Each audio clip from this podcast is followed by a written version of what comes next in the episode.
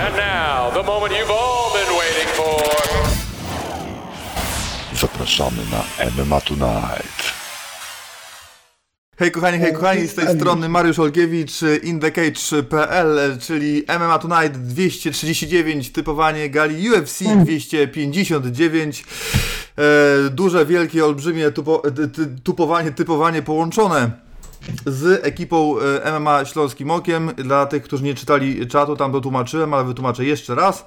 Polega to na tym, że uznaliśmy, iż nie będziemy rozbijać, jak to się mówi przysłowiowo, gówna na atomy i zrobimy typowanie jedno, pod jednym szyldem, a podsumowanie pod drugim. Wyszło tak, że typowanie robimy jako MMA Tonight, a podsumowanie za y, 7 dni równo zrobimy jako MMA Śląskim Okiem. Także witamy serdecznie wszystkich, a ze mną są, mam tutaj listę, ściągawkę, bo nie pamiętam wszystkich. Yy, Filip Błachut, Witam serdecznie. Michał Malinowski, Szczęść Boże. Grzegorz Nielubiak, Siemanko. Jacek Kluba Witam, witam, cześć. i Tomek Jeruszka. No, poseł Jeruszko jeszcze nie dojechał. A, także no, żeby, żeby mu nie było smutno, to zaczniemy od main eventu. żeby mógł się o nim wypowiedzieć.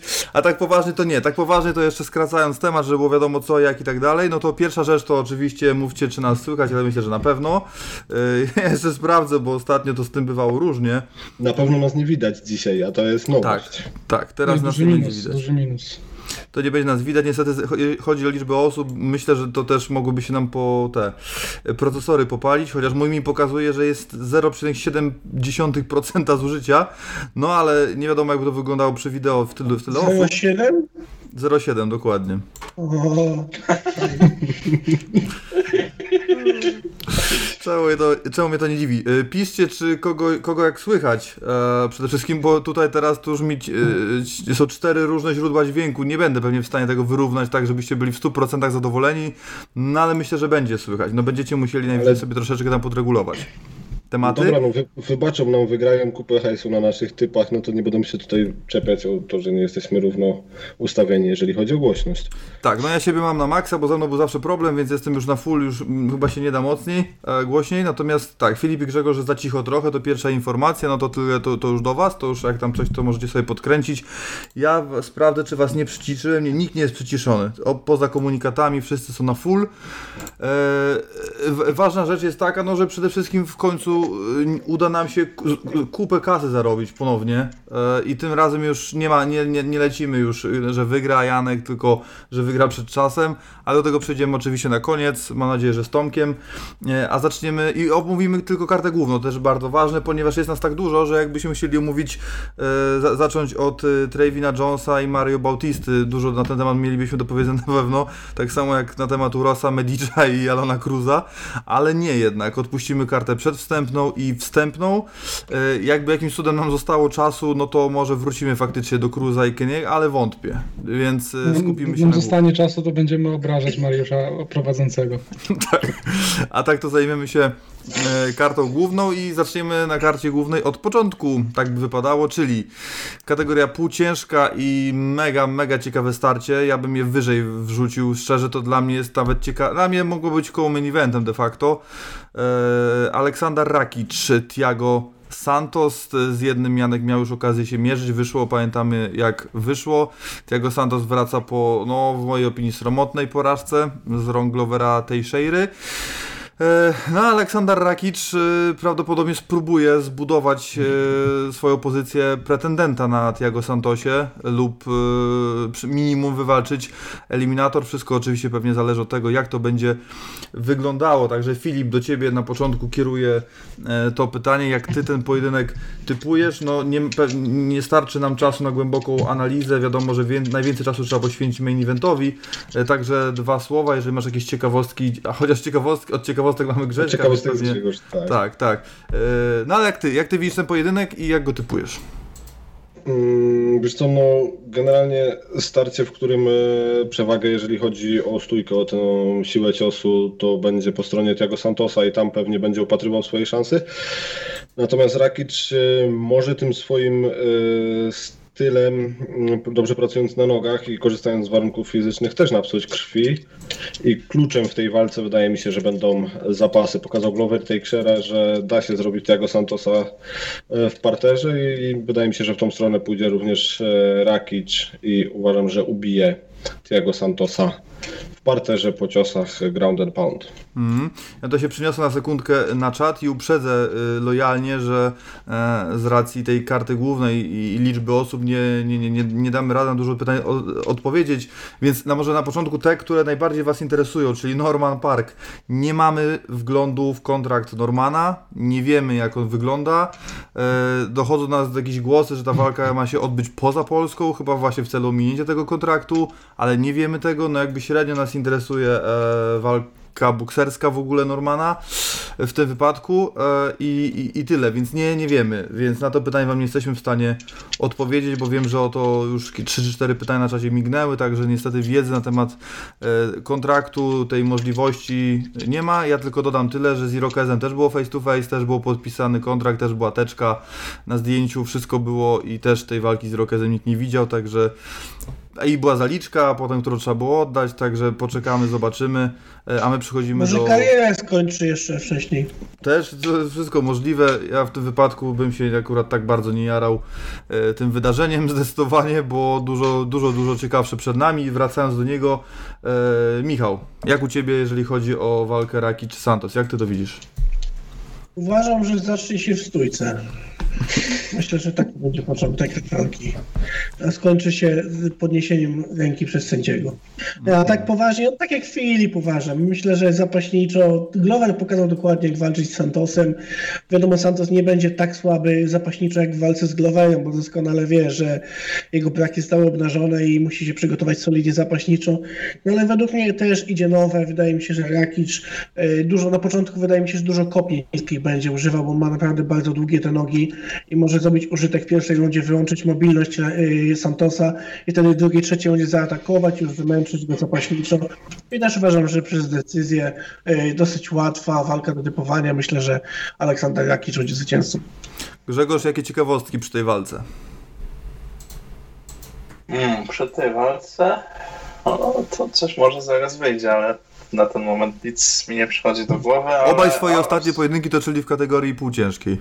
Ha, tak, ale w zasadzie można powiedzieć, że obaj sprawnie korzystają z niskich kopnięć, a co Michał zauważył, że a nie tylko Aleksander Rakić kopie mm, po w zasadzie łydce tak mocno, ale też Thiago Santos i właśnie tutaj mam pewne obawy, bo jak sobie przypomnimy walkę Aleksandra Rakicia z Wulkanem Zdemirem, którą wygrał w mojej opinii, nie tylko mojej, no ale sędziowie widzieli to inaczej, no to ta noga Rakicia była w tej walce mocno okopana i myślę, że jak Santos będzie, znajdzie receptę na obronę sprowadzeń, chociaż nie sądzę akurat, ale gdyby tak było i w stójce będzie ochoczo okopywał nogę Austriaka, a w zasadzie serbskiego Austriaka, czy tam austriackiego Serba, no to może być naprawdę niewesoło, bo ta noga szybko spuchła i widać, że odporność nóg Rakicia może być jakaś wątpliwa akurat w tym wypadku. No ale tak, jeśli walka zejdzie do parteru, no to tak jak wspomnieliście, Glover już właśnie pokazał te braki parterowe Santosa, ale jeśli miałbym typować tę walkę dokładnie, no to myślę, że Rakic raczej przez decyzję niż przez ubicie, także tutaj myślę troszeczkę inaczej jak Filip, no bo Rakic nie był w stanie skończyć Smitha, który według mnie jest słabszym zawodnikiem od Thiago Santosa, no może bardziej charakternym, ale no, nie było to nawet blisko skończenia w żadnym momencie walki. Była dobra, mądra, inteligentna kontrola, ale raczej nie dążył za wszelką cenę ani do ubicia, ani do poddania. Także wydaje mi się, że Rakic po tej walce już mocno, mocno się tutaj zaznaczy w czołówce kategorii półciężkiej, chociaż należy tam już od dawna, ale ta walka będzie taką pieczątką nad jego karierą. No, gdyby nie ten wałek ze Zdemirem, no to już myślę, że byłby teraz być może nawet i on tym rezerwowym do walki o pas w main evencie tej gali, ale no, takie rzeczy też się zdarzają, także mój typ ostatecznie ląduje na Rakicia przez decyzję. Mhm. No Jacek, słuchaj, akurat my mieliśmy przyjemność e, poznać Aleksandra e, Rakicza, są wielu zawodników akurat kategorii 93 kg. No Antony Smith to w zasadzie twój kumpel, można powiedzieć. E, I z nim ostatnio wygrał Aleksander Rakic. No dzisiaj zwycięstwo nad Antonym Smithem to nie jest już wielkie wow. Niestety, no tutaj widać, że jeżeli chodzi o Antonego, to trochę to wszystko pikuje, ale no pamiętamy walkę z Wolkanem Ozdemirem pamiętamy jak to wyglądało. Zresztą nie wiem, jak, nie pamiętam kiedy dokładnie to, a to był grudzień 2000 2019 roku, już strasznie dawno, no ale pamiętamy, co tam wtedy się wydarzyło. A co jeżeli chodzi o Santosa, no to, to no wiemy, jak wyglądała ta ostatnia walka. Myśli, że będzie miał syndrom ofiary, tak jak Enganu i będzie pospinany przed tą walką z Rakiczem, czy, czy zupełnie inaczej to widzisz? Mm, wydaje mi się, że chyba Santos ma na tyle duże doświadczenie i w tej dywizji, w niższej kategorii ogólnie w UFC, poza, że e, ta presja pewnie będzie podobna. E, na pewno wisi nad nim widmo drugiej porażki z rzędu, przepraszam, trzeciej porażki z rzędu de facto, biorąc pod uwagę też tą walkę z Johnem Jonesem, więc e, no tutaj na pewno będzie spora rezerwa po jego stronie, bo no nie miał z taką sytuacją jeszcze do czynienia. Jeżeli chodzi o bezpośrednio jakby zestawienie Rakicza z Santosem, no to Santos jest taką osobą, która podobnie jak Anthony Smith zeszła na troszeczkę y, gorszy tor swojej kariery po walce mistrzowskiej, z tym, że no, inaczej wyglądała walka Antonego Smitha z Johnem Jonesem, który został wtedy totalnie zdominowany, inaczej Thiago Santos, który według wielu tam ten pojedynek na punkty 3 do 2 wygrał. E, myślę, że UFC z rozmysłem e, zestawiło taki pojedynek, no bo to jest dla nich sytuacja win-win. Jeżeli wygra Santos, no to tak naprawdę wygrywa z gościem, który de facto nigdy walki w UFC nie przegrał, poza, poza tym e, dyskusyjnym porażką ze Zdemirem.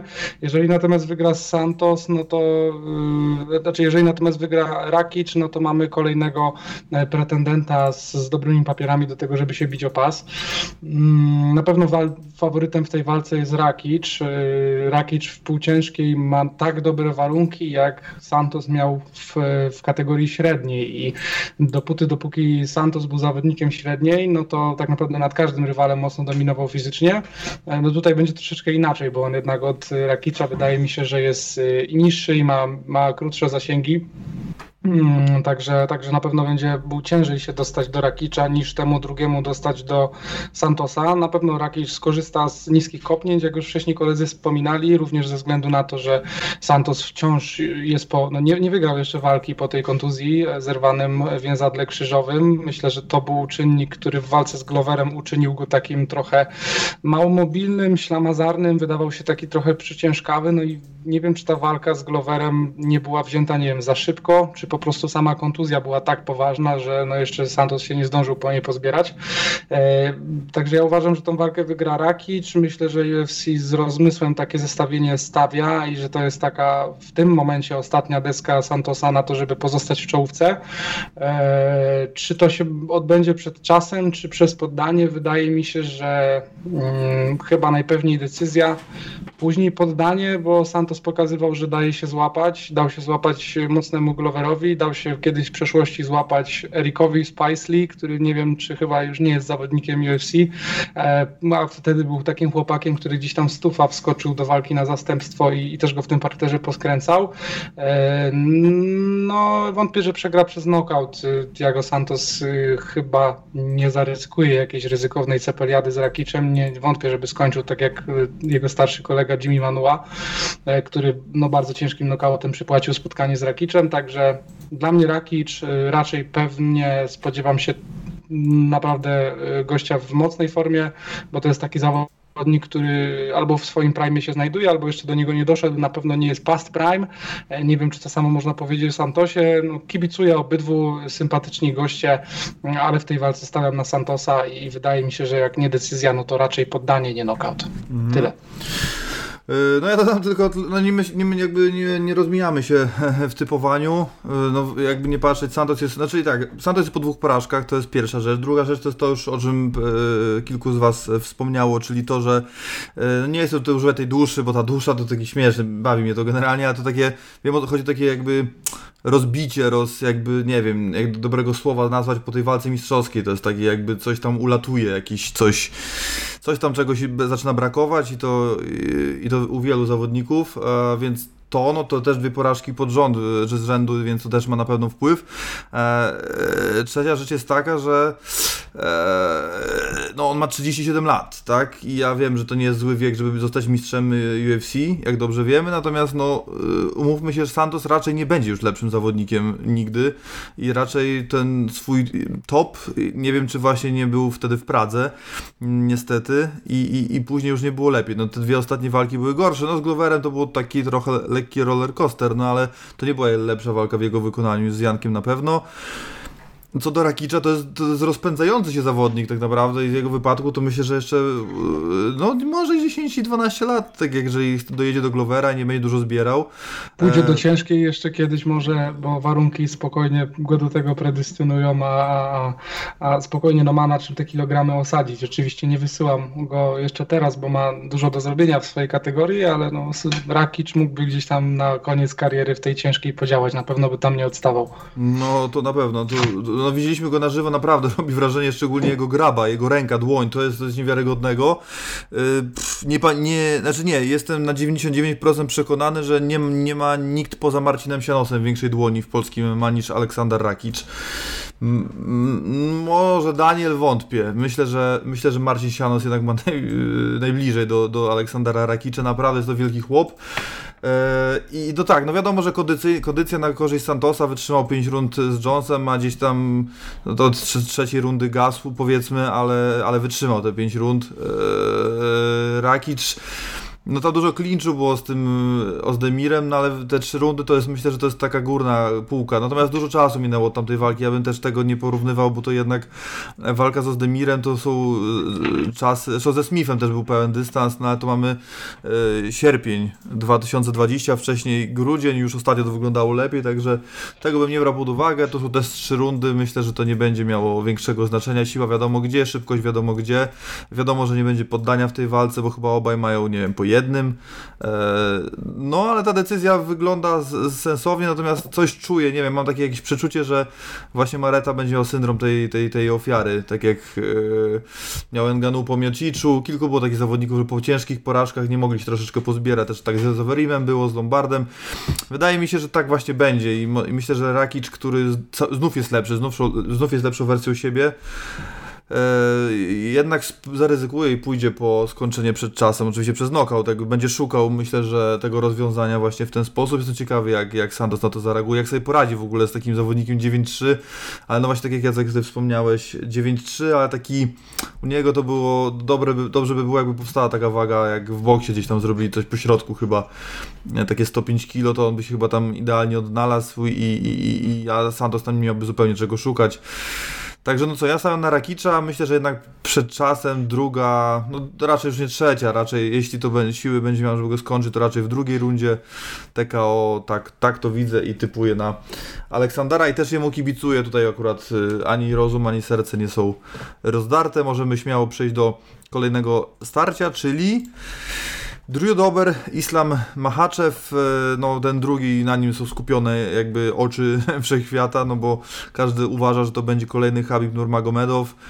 Mm, nie uważam tak e, i nie chodzi o to, że jest jedynka z tyłu, tylko po prostu no nie sądzę, że w tak w krótkim czasie y, urodził się zawodnik tej klasy co, co, co Habib, także akurat nie i nie skreślałbym w tej walce zupełnie Drudobera, y, no ale o tym Michał, Ciebie chciałbym w tej, teraz zapytać w pierwszej kolejności, jak Ty, jak sądzisz, jak ten pojedynek może wyglądać i kto dla Ciebie jest faworytem i kto w Twojej opinii unie, dostanie uniesioną rękę ku górze?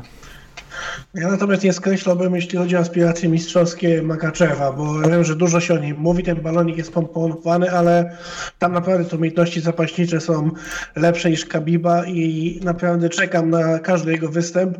Ja myślę, że Dudober zostanie wciągnięty nosem po prostu. Nie, jakoś nie widzę szans w ogóle, gdzie on mógłby zagrozić Makaczewowi. Myślę, że Islam spokojnie sobie to ogarnie. Uważam, że to będzie poddanie gdzieś do końca drugiej rundy. Uważam, że naprawdę, że to będzie no, przejazd taki taki łagodny przejazd Makaszewa. Mhm. E, no dobrze, Grzesiek, jak ty to widzisz? Czy też tak e, z taką lekkością typujesz Islama? Znaczy, no to nie wiem akurat, czy zapaśniczo jest lepszy od Habiba w stójce. Wydaje mi się, że może być. Paradoksalnie, mimo że wyłapał knockout, no to ma taką troszeczkę lepszą czutkę do ciosów niż Habib. A zapaśniczo to nie widzę aż takiej jakiejś wielkiej różnicy, zwłaszcza na jego korzyść od Habiba. Nie przechodzi tak sprawnie z techniki do techniki. Kontrolę ma owszem bardzo dobrą. Jak już zabetonuje przeciwnika, to nie wypuści, ale nie jest to myślę klasa zapaśnicza pokroju Habiba. E, Czy widzę to tak samo? No to myślę, że Jacek tutaj się przekonał o sile pięści Drudobera, bo padł je przez knockout ostatnio jego ofiarą, także... Do dzisiaj, szum, do dzisiaj szumi w głowie. No właśnie, więc myślę, że, że tutaj więcej dopowiedz o, o stylu e, Amerykanina. Natomiast czy ja. No wydaje mi się, że tak. No, Aleksander Hernandez, którego też Drew Dober pokonał, był cze, często podłączony w tej walce i uciekał się do desperackich prób sprowadzeń, które mu wchodziły. Skoro podłączony Aleksander Hernandez go był w stanie sprowadzać, no to myślę, że Islam Makhachev szybko pójdzie do parteru, no jeśli będzie chciał się bawić w stójkę, to też nie będę skreślał Drew Dobera, bo też ma argumenty w pięściach, żeby wygrać tę walkę oczywiście. No a Islam Makhachev już był raz nokautowany, także też nie ma na pewno tak twardej szczęki jak Habib. A, No i wydaje mi się, że jeśli walka trafi do parteru, to już Drew Dober stamtąd nie wyjdzie, ale nie wiem, czy Islam będzie w stanie skończyć ten pojedynek.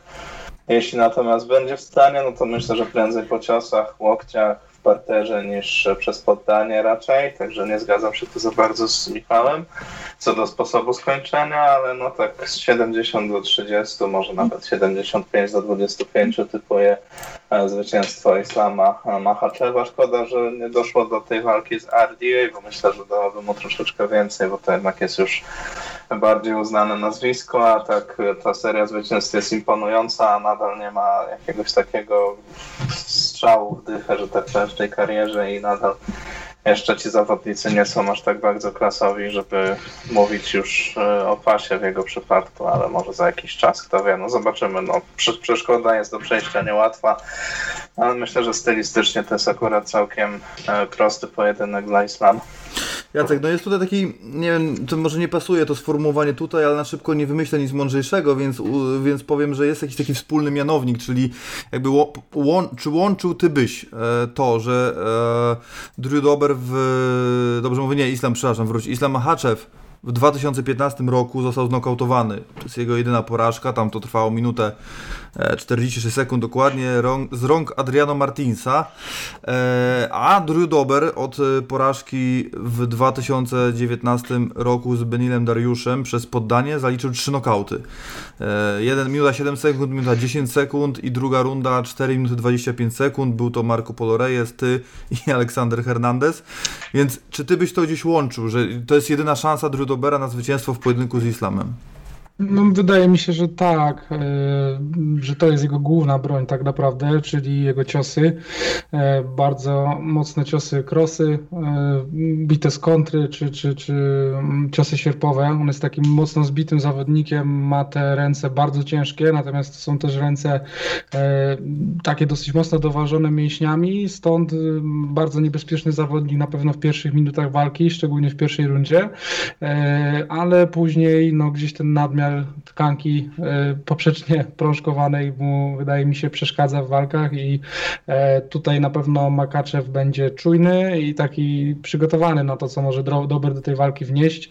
Natomiast no, to, co Makaczew pokaże, mm, może być cięższe do przewidzenia dla jego rywala niż to działa w drugą stronę, bo e, Dober jak się mierzył z jakimiś gośćmi, którzy reprezentowali troszkę wyższy parterowy poziom, no to wpadał jednak w te pułapki. Mm, Trzy ostatnie porażki właśnie przez poddanie. Makaczew parter e, no, wyśmienity, więc tu bym upatrywał z kolei szansy Makaczewa. Wydaje mi się, że jeżeli decyzja, to pewnie druga, trzecia runda dla Makaczewa e, i zwycięstwo. Jeżeli poddanie, no to na pewno z jego rąk, a Drew Doberowi dałbym jakieś 25% szans na to, że uda mu się złapać Makaczewa na knockout w pierwszej rundzie. Natomiast no, definitywnie jest tu e, faworytem Makaczew. Myślę, że fajna walka dla Dobera i zasłużył na, na, na walkę z, z tak dobrym zawodnikiem, tymi trzema nokautami. E, no i cóż, zobaczymy, czy będzie niespodzianka. Myślę, że za oceanem my sobie z tego nie zdajemy sprawy, ale takie walki typu Amerykanin kontra tam Rosjanin czy Dagestańczyk budzą, e, wydaje mi się, spore emocje. E, Amerykanie śledzą takie pojedynki, lubią patrzeć, jak ich faworyt później gdzieś tam uciera nosa przy, przy, przy, przybyszowi z dalekich krajów, więc myślę, że stąd walka na karcie głównej. Oczywiście poza tym, że, że występuje w niej no, Makaczew znany z, z, i z walk i, i z obozu Kabiba, co też na pewno mu trochę fanów dodatkowo przysparza. I tak bym ten pojedynek widział. Także duża szansa skończenia, no a w zależności od rodzaju skończenia szanse takie, jak powiedziałem. Mhm.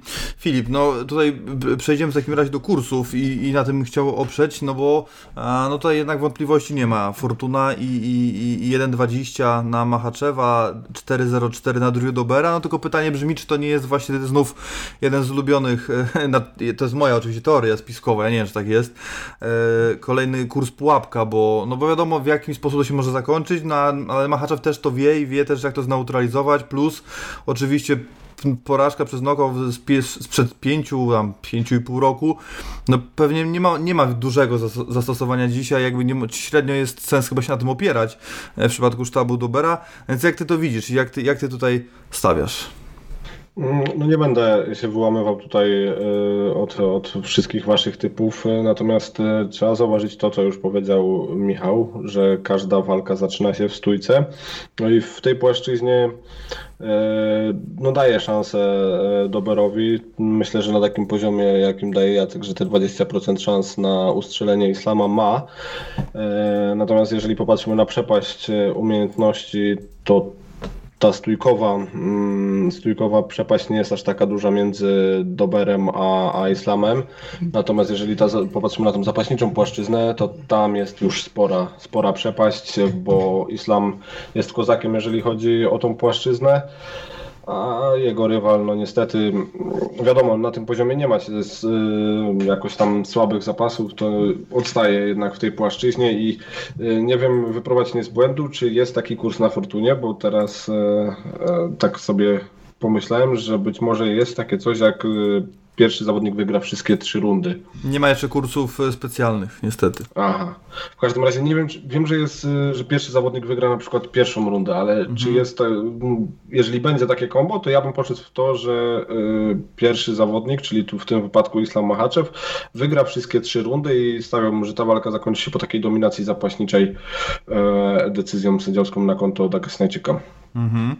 No, tutaj tak jak już yy, i, i przy intronizacji twojej wypowiedzi e, wspomniałem o tym, że ten knockout no, sprzed pięciu lat, no ja go Jackowi gdzieś podrzuciłem do, do namysłu, no ale wiadomo, wiemy, że to pięć lat minęło, to to pewnie nie będzie miało większego wpływu, no ale jest też taka ciekawostka tutaj E, odnośnie Glaysona Tibau, który e, no już dzisiaj jest dawno, e, że dawno jak dawno, no już jest poza UFC, ale już dzisiaj jest w PFL-u zdaje się. Natomiast w 2018 roku mierzył się, mierzył się z Islamem i padł na deski w 57 sekund, więc tutaj sądzę, że jakby Islam ma, potrafi robić wszystko, jakby w każdej płaszczyźnie kończyć pojedynki, natomiast no jakby tutaj sądzę, że to wynikało akurat nie z tego, że e, że, po, że tak łatwo pada deski Gleison Tibau, tylko też mogło wynikać z tego, że Gleison Tibau po prostu może mieć lepszy parter od e, Machaczewa i być może tej panicznie chciał unikać e, Machaczew tej, tej płaszczyzny, co przy walce z Doberem akurat ma mniejsze. Ja, ja, myślę, że po prostu wtedy mu porządnie weszło, tak samo jak weszło Adriano Martinsowi, e, jak walczył z nim te 5 lat mhm. temu i tutaj no, są tacy zawodnicy, którzy byli trafiani, a nigdy przez knockout nie przegrali i zawsze pojawia się pytanie, czy on był tylko źle trafiony, czy ta szczęka naprawdę jest z granitu i ten gość potrafi wytrzymać wszystko. No tu mamy e, odpowiedź na to pytanie, że, że to jednak dobry cios e, w odpowiednie miejsce potrafi każdego tak naprawdę zwalić. Myślę, że Makaczew jest jest stójkowo nawet technicznie lepszy od Dobera, tylko on w swoich walkach tej stójki używa jako jednego ze swoich składników, natomiast no, Dober korzysta z tej stójki jako ze swojego głównego atutu i może dlatego różni się to wykorzystanie y, energii oktagonowej i dlatego Dober po prostu częściej wygrywa przez nokauty niż jego rywal. No Mariusz, a powiedz mi, czemu nie wrzucasz tak jak zawsze grafiki, gdzie zaznaczamy, mm, kogo byśmy typowali? A no bo z nas tak dużo uznałem, że ciężko będzie znaleźć jakby, nie wiem, czy im, czyje typowanie musielibyśmy tutaj uwzględniać. Dlaczego, dlaczego ty za nas myślisz? Jak, jak zboczenie zawodowe. Gdzie jesteś? Ale ten, na razie chyba jesteśmy jednogłośni, więc jak będziemy Tak. mieli jakieś A inne... tak większościowo byśmy brali, jak będzie 3 do 2, to... No, zobaczymy, czy się będziemy różnić Właśnie. zdaniem w której z walk. Yy, A, no właśnie, bo to jeszcze jedna rzecz, której nie, nie wspomniałem. Naprawiłem donaty, chociaż, yy, znaczy naprawiłem, ale nie znam genezy problemu nadal, ale możemy na Jacka Danielsa dla Janka zbierać, także oczywiście jak Janek wygrywa, to dostaje od, dostał, znaczy dostaje, to, to liczba to za dużo powiedziałem, dostał raz na razie, yy, litrowego Jacka na yy, Okęciu po zwycięstwie, teraz też dostanie po zwycięstwie, no jak się uzbiera więcej, to kupimy takiego 3-litrowego To w kupimy kołysce. półtorej litra i skleimy go taśmą klejącą. Dwa, tak. I, i dostał, e, dostanie 3-litrowego w kołysce, bo taki też jest, także do poniedziałku włącznie, czyli do podsumowania, dwa podcasty zbieramy na Jacka Danielsa dla Janka, także tipeo jeszcze w, działa. so- jeszcze w sobotę podczas komentarza. A, tak, tak, no to czyli trzy łącznie, trzy, trzy, trzy, razy będzie można, trzy razy jest szansa na to, by wpłacić na Jacka Danielsa dla Janka e, i tą kwotę, przekażemy i zaznaczam tutaj, żeby była jasność, bez względu na wynik walki, bo to nie działa tak, że my jesteśmy kibicami sukcesu, tylko y, ja uważam, że nawet y, tutaj nie chcę nic źle wróżyć, ale jak jest smutno, też ludzie piją, także to nie zmarnuje się na pewno. Tak, tak. E, No, a przecho- przechodząc yy, do tego, Jezu, przechodząc do typowania, bo wyskoczyłem e, z tego e, nurtu i wracam do niego i jeżeli chodzi jeszcze o Drew Dobera i poddania, o tego akurat e, byśmy się nie spodziewali w jego wykonaniu raczej, E, po przejściu do UFC czyli w 2013 roku. E, No przede wszystkim przywitał się e, bardzo gorzko z organizacją, bo dwie walki przegrał decyzjami. Następnie podał, poddał e, później, jako to jego pierwsze zwycięstwo mm, e, Jimmy'ego Warnera, zresztą na genialnej gali UFC Fox 13 do Santos Miocic. No to ta słynna bitwa pięciorundowa. E, Usado żegnaj, natomiast później było no contest dla Andro Silva, nieważne, natomiast nic już się nie wydarzyło, jeżeli chodzi o poddania na jego korzyść, a wręcz odwrotnie, bo poddał go Escudero, poddał go Aubin Mercier i Benil Dariusz. Trzy, ostatnie porażki, nie licząc e, tego, tych pierwszych dwóch porażek decyzjami, to są porażki przez poddania. E, A wy zwycięstwa były tylko decyzjami i tylko i ostatnio przez te liczne e, trzy łącznie, czyli hat-trick knockoutów. E, Sądzę, że to może tak wyglądać, iż e, Islam go będzie mielił. Znaczy będzie za wszelką cenę unikał tej stójki, no to jest w miarę oczywiste. Będzie szybko szukał, będzie, nie wiem, ciosami skracał dystans, klinczował, postara się w tym klinczu go obalić, dwie rundy go męczyć i jak się tylko nadarzy okazja, to spróbuje go właśnie poddać. E, Jest duża szansa na to, no to już nie, nie, nie do końca nie pamiętam z głowy, jak dobrymi, jak dobrymi grapplerami jest, dziś e, Mercier, Scudero i Dariusz, no ale sądzę, że Machaczew może mieć te umiejętności równie, równie wysokie i, i, i tak bym się spodziewał, że ta walka zakończy się przed czasem właśnie w ten sposób, że Islam go umęczy przez tą pół, półtorej, dwie rundy, dwie i pół rundy może i w tej drugiej, pod koniec trzeciej e, go podda. Nie będzie jednak, no ale 70-30. Tak to widzę, jak miałem procentowo rozłożyć, te 30% daje na to, że Drew Dober po prostu trafi w którymś momencie, no bo, no bo ma, ten, ma, ten cel, ma ten celownik bardzo dobrze e, ustabilizowany ostatnio, działa to. E, I, I krótko, krótko te jego walki trwają, natomiast no pytanie brzmi, jak Machaczew jest e, dobrym, e, jak dobry zawodnikiem jest na tej tle tej trójki, no, czy lepszy, czy gorszy, wszystkiego się dowiemy sobotę E, i spokojnie możemy przejść do kolejnego pojedynku, czyli Petr Jan Aljamain Sterling o pas mistrzowski, pierwsza z trzech walk o pas mistrzowski. E, No tutaj tak naprawdę, jeżeli chodzi, tutaj przejdę, przejdę od razu do e, Fortuny. A i przypomnę od razu też kurs, bo o tym nie powiedzieliśmy na początku. Mm, Santos Rakic 1,65 na Rakicza, 2,11 na Santosa i to jest bardzo fajny kurs e, na Rakicza, Na który warto, tak, warto wykorzystać, bo mm, no tak jak mówię, no ja jestem prawie przekonany, że jak ta walka się zakończy, ale znaczy kto wygra może bardziej i, i, A i warto lepiej postawić. Rakic przed czasem. Bez wskazania jak, tylko po prostu, że pi- pierwszy czy tam drugi zawodnik wygra walkę przed Ale to czasem. już, to już mniej bezpiecznie. No, ale to be- nie ma, bez ryzyka nie ma zabawy. No.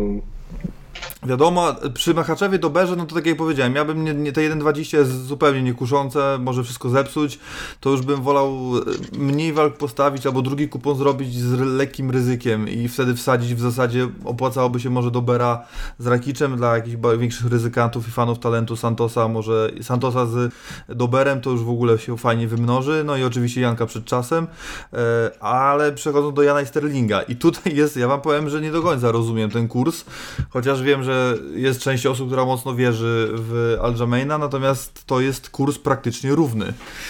Petr Jan 1,82, Aljamain Sterling 1,88. O, to też dobry na Jana, ale do tego przejdziemy za chwilę. I to jest, też- to jest zaskakujący kurs. Nie wiem, patrzyłem e, ostatnio, jakich szukaliśmy, szukaliśmy fortuny punktu stacjonarnego, finalnie nie znaleźliśmy, czy tam czas nagryw, nieważne, i było 1,60. Ten kurs rośnie z niewiarygodnych e, przyczyn. Nie wiem, z czego wynika. Jeszcze raz pod, podświetlam sobie, sprawdzam, ale naprawdę tak to teraz wygląda na fortunie. E, I teraz Grzesiek, Ciebie chciałbym na początku zapytać. Jak, jak widzisz ten kurs, to jak myślisz, co autor miał na myśli? No bo umówmy się, że yy, no nie wiem, kto jakby jak czy, czy, czy, słucham, czytam, patrzę, widzę, yy, no to jednak nie wiem, czy Jan nie jest wśród fanów oczywiście większym faworytem od Amandy. A tutaj taki kurs, który jednak troszeczkę burzy, burzy optykę, no ale wiemy doskonale, że jak to, lepiej się kursami nie sugerować. Jak ty to widzisz, jak, jak to oceniasz? A? A mi na przykład ten kurs, ja bym wystawił podobnie te kursy, dlatego że dla mnie na papierze to jest najbardziej wyrównany pojedynek na karcie głównej, dlatego że e, owszem, Jan ma ten pas, fajnie, że jest mistrzem, ale tak patrząc w jego bilans i w jego walki w UFC, no to na próżno tu szukać naprawdę solidnych nazwisk, już pomijając fakt, że tych nazwisk solidnych nie ma w jego rekordzie i ta droga do pasa była naprawdę bardzo łatwa dla niego, no to no, nie, ma, nie mierzył się ani z Moraeszem, ani z Asunsao, nie mierzył się ani z Garbrantem, ani z Dillashawem. Walczył z Jose Aldo, z bardzo już rozbitym Jose Aldo, z Jurajem Faberem, co jest w ogóle absurdem taka walka, no z solidnym jeszcze na tamten moment Jimmy Briverem, Johnem Dodsonem, Douglasem Andrasz, no to są nazwiska fajne z, z pewnych względów, ale to nie są nazwiska, które powinny komuś zapewniać drogę do pasa i do czego dążę, no bo same nazwiska, okej, wszystkich teoretycznie pokonywał, ale w każdej z tych walk miał problemy i często się zdarzało, że przegrywał nawet rundy. Walka z Johnem Dodsonem była dość wyrównana, John Dodson tam zapaśniczo notował trochę sukcesów, nawet chyba z tego co pamiętam posłał na deski. Jana z Jimmy Riverą w zasadzie przegrywał dwie rundy, ale knockdownami na koniec tych rund sobie te punkty jakby przechylił na swoją szalę. Nawet y, Aria Faber był w stanie jedną rundę urwać, z tego co pamiętam, Janowi chyba drugą albo pierwszą, ale wydaje mi się, że drugą. No finalnie został znokautowany headkickiem, ale to jednak też nie świadczy dobrze. I Jose Aldo też zwyciężył drugą rundę z Janem, bo Jan ma tendencję do tego, że czasami jest dość mocno wycofany i myślę, że to rywale mogą akurat wykorzystać. Jeśli ktoś wleci w niego taką szaloną szarżą, jak Aljamain Sterling w ostatniej walce e, z Sandagenem e, i szybko przeniesie walkę do parteru, a, a myślę, że będzie właśnie tego szukał w pojedynku z Janem, bo mimo, że Jan ma te zapasy defensywne na całkiem wysokim poziomie, no to jest tam uchylona furtka, że można go sprowadzić, bo to już pokazał John Dodson i chyba Jimmy Rivera też z tego co pamiętam, ale tutaj akurat trochę przez mgłę tę walkę kojarzę, jeszcze sobie ją odświeżę przed typowaniem pisemnym e, tego pojedynku, ale wydaje mi się, że tu naprawdę Aljamain Sterling ma spore, spore szanse, żeby wygrać ten pojedynek. Rozwinął się mocno w stójce. Kondycyjnie może jest nieco słabszy od Jana, bo zwalnia zazwyczaj już w trzecich rundach, no to jest walka na pięć rund, A Jan, mimo że zwalniał z walce z Aldo, to była jego w zasadzie pierwsza w UFC, no bo on już wcześniej miał okazję walczyć w ACB jeszcze na dystansie pięciu rund, ale to była pierwsza jego pięciorundowa walka w e, UFC, no i pokazał się, że faktycznie jeszcze w tej piątej rundzie spore pokłady energii w nim trzymały, także myślę, że jeśli ta walka wyjdzie za drugą, trzecią rundę, no to murowanym faworytem wtedy stanie się Jan, który jest naprawdę, mimo że generalnie kojarzymy go ze stójki, a w zasadzie jeszcze bardziej z boksu, no bo świetnie miesza te kombinacje ciosów, to wyprowadzi cios na korpus, za chwilę poprawi w kombinacji na głowę i często też notuje sukcesy kopnięciami, jak właśnie wspomniany Faber padł po wysokim kopnięciu od niego. E, no to trzeba naprawdę uważać na to szaleństwo i akumulację ciosów od e, Sterlinga, no i na ten jego partner kreatywny, no bo naprawdę jak sprowadzi walkę do parteru, to myślę, że będzie w stanie Jana poddać i to też nie wykluczałbym naprawdę takiej możliwości. Na ten moment delikatnie typuję Jana decyzją, ale w zasadzie nie zdziwi mnie nic w tej walce i nie wykluczam, że jeszcze zmienię typ, no bo mogę już zdradzić, że będę ten pojedynek też opisywał na naszą stronę.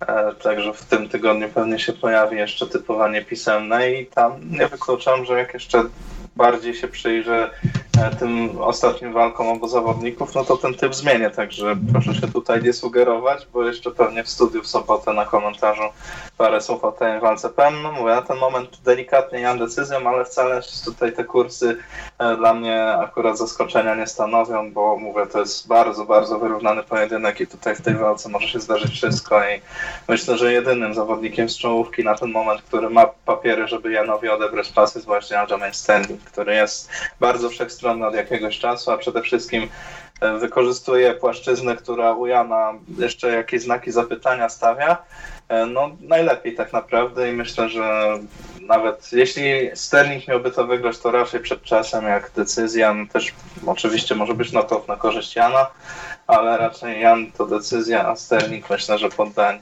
Mm. No powiedziałeś, że w tym tygodniu możemy się spodziewać tego typowania. Mam takiego protipa, że jak spróbujesz to napisać w przyszłym tygodniu, to możesz mieć większą celność w typie. No to może wykorzystam te opcje. No to zawsze można spróbować.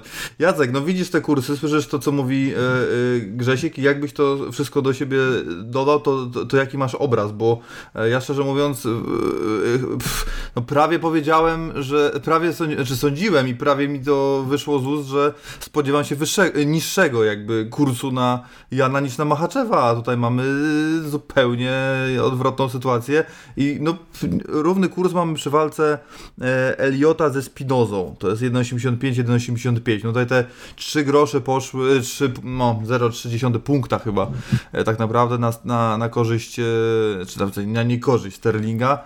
I myślę, że, myślę, że jak bukmacherzy Fortuny są z nami posłuchali Grzesia, to może się nawet ten kurs jeszcze wyrównać dzisiaj wieczorem. Mm. Także zobaczymy. A propos tej walki, bo chciałeś jakieś pytanie konkretne zadać, czy mogę przejść tutaj? Nie, nie, możesz już przejść, jasne. Znaczy, według mnie faworytem tego pojedynku jest Petrian. E, jest to walka dosyć e, równa, jeżeli chodzi o umiejętności takie całościowe, powiedzmy, jeśli chodzi o MMA. E, na pewno Sterling jest najgroźniejszą w tej chwili osobą, więc ten wybór jego do walki o pas jest no, jak najbardziej oczywisty. Walka z Sandhagenem była takim trochę mm, eliminatorem. On tą walkę szybko, efektownie, niespodziewanie, myślę, dla niektórych wygrał. Sterling, jak walczy w stójce, no to na pewno znany jest ze swoich e, mocnych e, kopnięć e, i jakby też no, na pewno dobrej gry na nogach, dynamiki. Raczej nie nokautuje, jeżeli wygrywa, no to decyzjami lub przez poddania. Te poddania umie zakładać szybko, niespodziewanie, trochę tak jak ostatnio Arlowski dał się złapać Spinalowi, to on w podobnym w, w stylu te poddania tak znikąd czasami łapie. Natomiast no, pierwszy aspekt, który działa na jego niekorzyść, to na pewno jest dystans walki. Nie wiem, czy Sterling walczył kiedykolwiek na, na dystansie pięciu rund. E, nie dopatrzyłem się takiej walki w jego rekordzie. No Jan w ostatniej ostatniej walce z Aldo pokazał, że potrafi pięciorundowy pojedynek stoczyć na wysokim tempie i w piątej rundzie stwarzać jeszcze zagrożenie e, nokautowe dla swojego rywala, choć wiadomo, że Aldo w tej walce już był mocno rozbity i już wychodził praktycznie do tej piątej rundy mm, troszkę jak na stracenie, e, ale to też wynikało ze specyficznego matchmakingu. Nie wiem, czy Jose Aldo tamtą walkę powinien był e, dostać. No mniejsza z tym, generalnie mm, działa na korzyść Jana to, że jest 5 rund. E, działa na korzyść Jana na pewno stójka, jeżeli chodzi o taki nazwijmy to overall. E, Jan będzie boksersko e, silny, szybszy. Myślę, że będzie wywierał presję na Sterlinga e, bardziej niż Sterling na Jana. Myślę, że nie będą dla niego zagrożeniem te kopnięcia Sterlinga, bo trenując Tiger Muay Thai, tak jak wspominaliście wcześniej, też złapał Fabera wysokim kopnięciem. Też z tych kopnięć potrafi korzystać i wydaje mi się, że to jest taka rzecz, która się też mocno u niego rozwinęła na przestrzeni kariery w UFC. Mm, no jeżeli Sterling miał miałby ten pojedynek wygrać, to tak, on do tej walki wchodzi jako atakujący tytuł. Jak wiemy, nie jest łatwo w takim położeniu wygrać walki mistrzowskiej, co pokazała między innymi walka, nie wiem, Santosa z Jonesem, czy e, druga walka Joanny Jędrzejczyk z, e, z Rose Namajunas. E, ponadto no, może być groźny w pierwszej, w drugiej, czy w trzeciej rundzie wątpię, więc te pierwsze dwie rundy tutaj bym upatrywał dla niego szansy. Mm, no ale ostatecznie wydaje mi się, że będziemy widzieli fajne trzy rundy na wysokim tempie. E, myślę, że Jan w pełni Sterlinga nie zdominuje, ale nawet jeżeli w tych pierwszych trzech rundach nie będzie prowadził, to jednak jeśli dojdzie do czwartej, piątej rundy, bazując na tym doświadczeniu z main eventów w ACB czy z walki z Jose Aldo, y, myślę, że po prostu zajedzie nam Sterlinga i albo skończy tą walkę decyzją, mm, albo uda mu się Sterlinga w jakiś inny sposób wykończyć. Ja bym stawiał na decyzję Jan 48 47, 49, 46, takie, taka, taka punktacja. Także tak to widzę. Mhm. E, Filip, sytuacja wygląda następująco, w, bo a propos ostatniej pierwszej i ostatniej przegranej walki Petra Jana e, miała na miejsce jeszcze w 2016 roku na gali jeszcze wtedy ACB z Magomedem Magomedowem.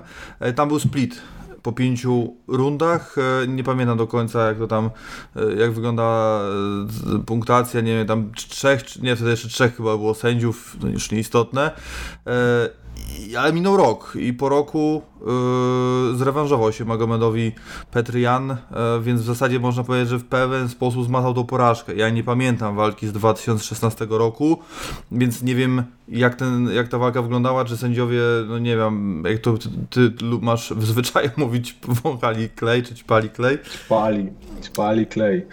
Ćpali klej. E, nie pamiętam, bo to był 2016 rok, to pff, o Jezu, to w ogóle początki, początki Indicage nieważne, natomiast jakby zmierzam do tego, że można mu, mm, no nie że wyzerować tą porażkę, bo nie, no ale jakby to nie była sromotna jakaś tam e, straszna porażka, co do Aljamaina, e, to w zasadzie mnóstwo, tam ten win streak, nie, no 12 walk około, strzelam, nieistotne. I później mm, w swojej e, piątej walce, chyba tak, w piątej walce przegrał splitem, z Brianem Caraway. Później znów był split z Rafaelem Asunsao i teraz znów trzeba byłoby się y, cofnąć o te kilka lat i sprawdzić jak to było z tym klejem i później są dwa zwycięstwa, no tutaj Barao wygląda fajnie, tylko że y, o ile dobrze pamiętam, to chyba Barao z 2017 roku to już nie był ten Barao, którego pamiętamy. Y, no i później jest ten knockout, po którym padł na dechy z Marlonem Moraesem, tam 67 sekund łącznie to, to, trwało. No a później no jest ta, ta, ta droga, która dała mu e, możliwość tej walki, którą będziemy mieli e, okazję obejrzeć w sobotę, e, czyli pięć zwycięstw, Brett Jones, Cody Staman, Jimmy Riviera, Pedro Munoz i Corey Sandhagen. E, tam były po, decyzja, poddanie, decyzja, decyzja i poddanie. E, no, na trzy rundy wiadomo, że prądu ma. Jacek pytał, zastanawiał się, czy było pięć. Nie, nie było yy, pięciu rund, znaczy były pięć rund, ale to rozmawiamy o 2011 roku poza UFC, także możemy ten temat yy, tego nie brać pod uwagę. No ale wiemy, że w tej kategorii wagowej raczej nie powinno tego zabraknąć. I teraz jak dodamy do tego to, co mówi Mateusz Gamro, to Petrze Janie, że maszyna, że nie do zajechania, że on robi, że on nie robi pięć rund, że on robi tych rund jeszcze więcej i rywale się zmieniają i że wszystko tak jak w walce, po prostu, no nic tam, tam nie ma jakby takiego, jeżeli chodzi o kwestie kondycyjne, przygotowania atletyczne, motoryczne, to nie ma, nie ma tutaj, tu nie ma luki, tutaj nie ma, tu nie ma możliwości, że w tą stronę, e, w tym aspekcie będzie przeważał e, Sterling, więc do, do, do, do meritum, czy w Twojej opinii też jest tak, że Aljamain ma dwie może 2,5 rundy, a potem, żeby wygrać to przed czasem, a potem to już, to już tylko liczyć, że to nie będzie 50-45. To jest przede wszystkim bardzo wyrównane starcie. Natomiast do tego, co powiedziałeś e, odnośnie opinii Mateusza Gamrota na temat Petra Jana, to myślę, że gdyby Mateusz Gamrot e, nie trenował z Petrem Janem, tylko na miejscu e, Piotrka byłby Aljamain Sterling, to powiedziałby to samo. To są zawodnicy, którzy walczą najwyższe cele w najlepszej organizacji na świecie nie sądzę, że któryś z nich przychodzi tam pozbijać bąki, bąki na sali treningowej, tylko obaj są mm, tytanami pracy, jak Mariusz Pudzianowski e, w naszym polskim MMA. Wyrównane starcie i delikatnie e, faworyzuję Jana, natomiast nie skreślam e, w żaden sposób Sterlinga i ta jego stójka, o której wspominał już tutaj Grzegorz, że jest taka e, niepoukładana, chaotyczna i Jacek, że przede wszystkim bazuje na kopnięciach. Mm, wydaje mi się, że to może być problem dla, dla mistrza, że gdzieś wystrzeli jakimś kopnięciem, gdy nie będzie się tego spodziewał Petrian Aljamain Sterling, a potem sprawnie przejdzie do tego, o czym już też mówił Grzegorz, przejdzie do zapasów. Naprawdę ma je kreatywne, bo nawet jak są takie akcje, gdy wydaje się, że on nie obali, to i tak obala. E, bardzo ładnie przechodzi pozycję. I to może być problem, jeżeli ta walka trafi do parteru, to spodziewam się tutaj ostrej kotłowaniny, mm, bo Jan też nie będzie leżał bezczynnie i to nie jest kłoda z którą e, Sterling będzie sobie robił co będzie chciał, tylko będzie pracował aktywnie łokciami na pewno z dołu i, skręcał się, e, żeby wychodzić bądź szukać e, poddania nawet z pleców, więc tam spodziewam się w parterze, że to będzie kocioł, taki młynków i to będzie fajna walka. Natomiast na pełnym dystansie widzę jednak, że to, że to Petr Jan, który przecież chciał nawet bić się w ATT z Andrejem Arlowskim i patrząc na formę Arlowskiego, wcale bym go nie skreślał tutaj tym bardziej, tym... że Jan na roztrenowaniu pewnie w sporo w okolicach 70 tak. kg się obraca, więc wcale by ta różnica nie była. Natomiast taka jeżeli przechodzę do, do meritum, to faworytem delikatnym jest Petriane decyzją. Ale tak jak mówię, nie skreślam tutaj Sterlinga i to jest e, ciężka walka. Jeżeli miałbym ją stawiać na kuponie, to trzeba by się było e, bardziej jakoś zastanowić i poszukać być może takiego, takiego zakładu specjalnego, żeby nie utopić. Mm. Michał, no więc e, End Steel czy End New, czy, czy ten kurs, który, o którym usłyszałeś, e, czy jeżeli go nie znałeś wcześniej, e, ten wyrównany kurs, czy on trochę ci namieszał w głowie, czy jako stary, stary wyjadacz nie nabierasz się na kursy bukmacherskie i wiesz, czyja ręka powędruje do góry? Wiedzieć nie wiem, bo naprawdę walka jest dość ciężka, natomiast e, no, typuję też, że Jan obroni ten pas. Myślę, że on będzie mistrzem, ale tak jak tutaj koledzy wcześniej, nasi wspaniali z podcastu tego gorszego powiedzieli, no kurde, no to jest naprawdę ciężka walka tak naprawdę, no bo Obaj mają naprawdę duże, duże atuty. Ja tylko podkreślę, bo tutaj nie, wiem, czy zostało powiedziane e, odnośnie Sterlinga. On świetnie potrafi skrócić dystans i on może zaskoczyć jakimś pojedynczym ciosem, bądź też jeśli skróci dystans, może obalić tego, e, tego Jana. Ja myślę, że on jeśli skróci dystans na początku każdej rundy i wywróci Jana, to on może wytrzymać. On kondycyjnie też podoła te trzy rundy, e, ale musi to być na początku rundy, bo wydaje mi się, że kontrolę ma na tyle dobrą, żeby utrzymać Jana w parterze. Ale musiałby trzy razy dobrze skrócić dystans, trzy razy obalić i te, przez 15 minut być z góry, no i betonować, nie, nie podpalać się, żeby się nie wypompować, tylko betonować na punkty trzy rundy, a wtedy dwie rundy mistrzowskie raczej i tak nie da rady tych dwóch rund czwartej, piątej wygrać. One, one jeśli będą, to pamiętują na korzyść e, mistrza, więc Myślę, że to jest sposób na zwycięstwo dla Sterlinga, bo nie widzę go w stójce, nie widzę też kondycyjnie. Myślę, że jeśli wygra, y, to też nie przez poddanie, bo Jan to też nie jest gapa, mimo że on głównie to właśnie ten box i kickboxing uskutecznia w swoich walkach, no to myślę, że jednak jeśli ma wygrać Sterling, to właśnie te trzy rundy, ale takiego parteru nie za widowiskowego, żeby też się nie spompować, żeby wytrzymać tylowo przez te trzy rundy. Ale koniec końców myślę, że zwycięzcą tego pojedynku mimo wszystko e, będzie Petrian. Mhm. No tak, ja się zgadzam i się nie wyłamuję. No, jakby a propos tego knockoutu i tych pierwszych rund, e, które miałyby, w których miałby nie wiem, skończyć przed czasem, a w domyśle raczej chyba znokautować e, Aljamain, no to jest to, to, to średnio dlatego, bo ja wiem, że statystyki to, to nie jest najlepsze źródło, chociaż jak w MMA jakoś tak zwyczaj yy, częściej mają przełożenie.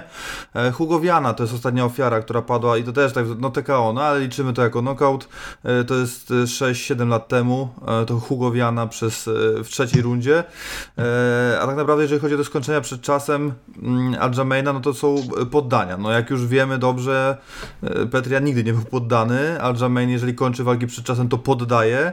E, Także no ja tutaj widzę decyzję. E, Myślę, że Aljamain zostawi wszystko w tej klatce, co się tylko da zostawić i będzie walczył o te trzy rundy. Tak jak Michał wspomniał, no ale czy uda mu się te, te trzy z pięciu ugrać? e, Pierwsze trzy? Wątpię. Także no ja no, nie wiem, wiem, wiem, że jakby typowanie i mm, wskazywanie punktacji e, nie podoba się sędziom generalnie, ale też e, tak to widzę, jakby miał być już ultra precyzyjny, 48, 47, ale jednak dla Petra Jana i, i, i, i nie namie- i, no, raczej jak nam- namiesza mi ten kurs, ale już z doświadczenia wiem, że jak mi kurs miesza i się zaczynam dwa razy zastanawiać nad tym, jak wydawało mi się wcześniej, to tracę i, pieniądze, więc teraz y, postawię na Petra Jana. Nawet ja się zastanawiałem, powiem wam szczerze, żeby w ogóle nie typować y, na kuponie tej walki, bo za duże ryzyko, a kurs niski. A tu się okazało, że niespodzianka. Także bardzo się cieszę. Jeszcze, jeszcze liczę, że jeszcze więcej pieniędzy e, zarobimy dzięki, e, dzięki tym naszemu typowaniu. No i, i dzięki panom. E, a teraz przechodzimy do walki pań. No i tutaj, no słuchajcie, no mnie, na mnie nie robi generalnie ta walka specjalnego wrażenia. Ja bym troszeczkę zrotował to na karcie i jednak dał Amandę niżej niż Petra Jana i w Common Eventa właśnie dał, dał właśnie Rosjanina ze Sterlingiem, no ale jest jak jest, e, pewnie dlatego, że Amanda Nunes jednak no, jest podwójną mistrzynią w pewnym sensie, chociaż nie wiem, czy ten pas drugi chyba już zwakowany, czy no, siłą rzeczy chyba zwakowany, czy odebrany w zasadzie. E, Rywalką Megan Anderson, nie. ma go, jakby fizycznie jakby dalej jest double champem. Ta, no to trochę bez sensu. Ale to, to chwilkę, a który, który pas miałby? 2000. No ten 6-6 jakby jest No to niebroniony, właśnie, zdaje się. ale o ten pas jest walka, Mariusz. To jest o 6-6, a nie o 6-1? Tak, no tak, 6-6. O Jezu. Co ty mówisz? No, A ktoś faktycznie. pan Malinowski, pan Malinowski coś Przepraszam, mówił o kto tu jest gorszym podcastem? Pan Nie. Malinowski coś o gorszym podcaście mówił, tak wyprowadzać co presję, Ale jakie dolewać oliwy Ja do... to, a? ja, słuchaj, to dalej jest lepszy podcast, ale wiadomo, że tą siłą podcastu jestem ja, a nie ten prowadzący.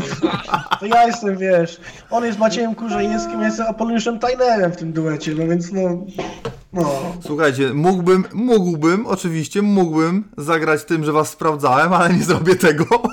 Po prostu Nie się... no Mario, to zobaczamy, ci błędy się każdemu zdarzają, Nie no. to też y, przy, przy, przyjmijmy, że też jest to chyba najbardziej widmo y, dywizja ze wszystkich dywizji w UFC, także co jak co, ale ale zapomnienie o tym, że walka jest akurat o ten najważniejszy pas, y, wybaczam. No tak, no jakby przypisuję zawsze każdą walkę Mandzie i obronę do, do jej kategorii, nazwijmy to nie no, bazowej, czy jak zwał, tak zwał, natomiast no wiemy, że to też się troszeczkę te, gdzieś tam po drodze zmieniało. E, u zawodniczek i trochę sk skaczą, nie wiem, nie, nie, nie chcę tutaj jakby e, teorii spiskowej jakby kreować, e, ale no wszystkim nam się chyba wydaje, że można byłoby zlikwidować przynajmniej e, dwie kategorie w UFC, czyli 5-7 mężczyzn i 6-6 kobiet i raczej nikt by nie zauważył.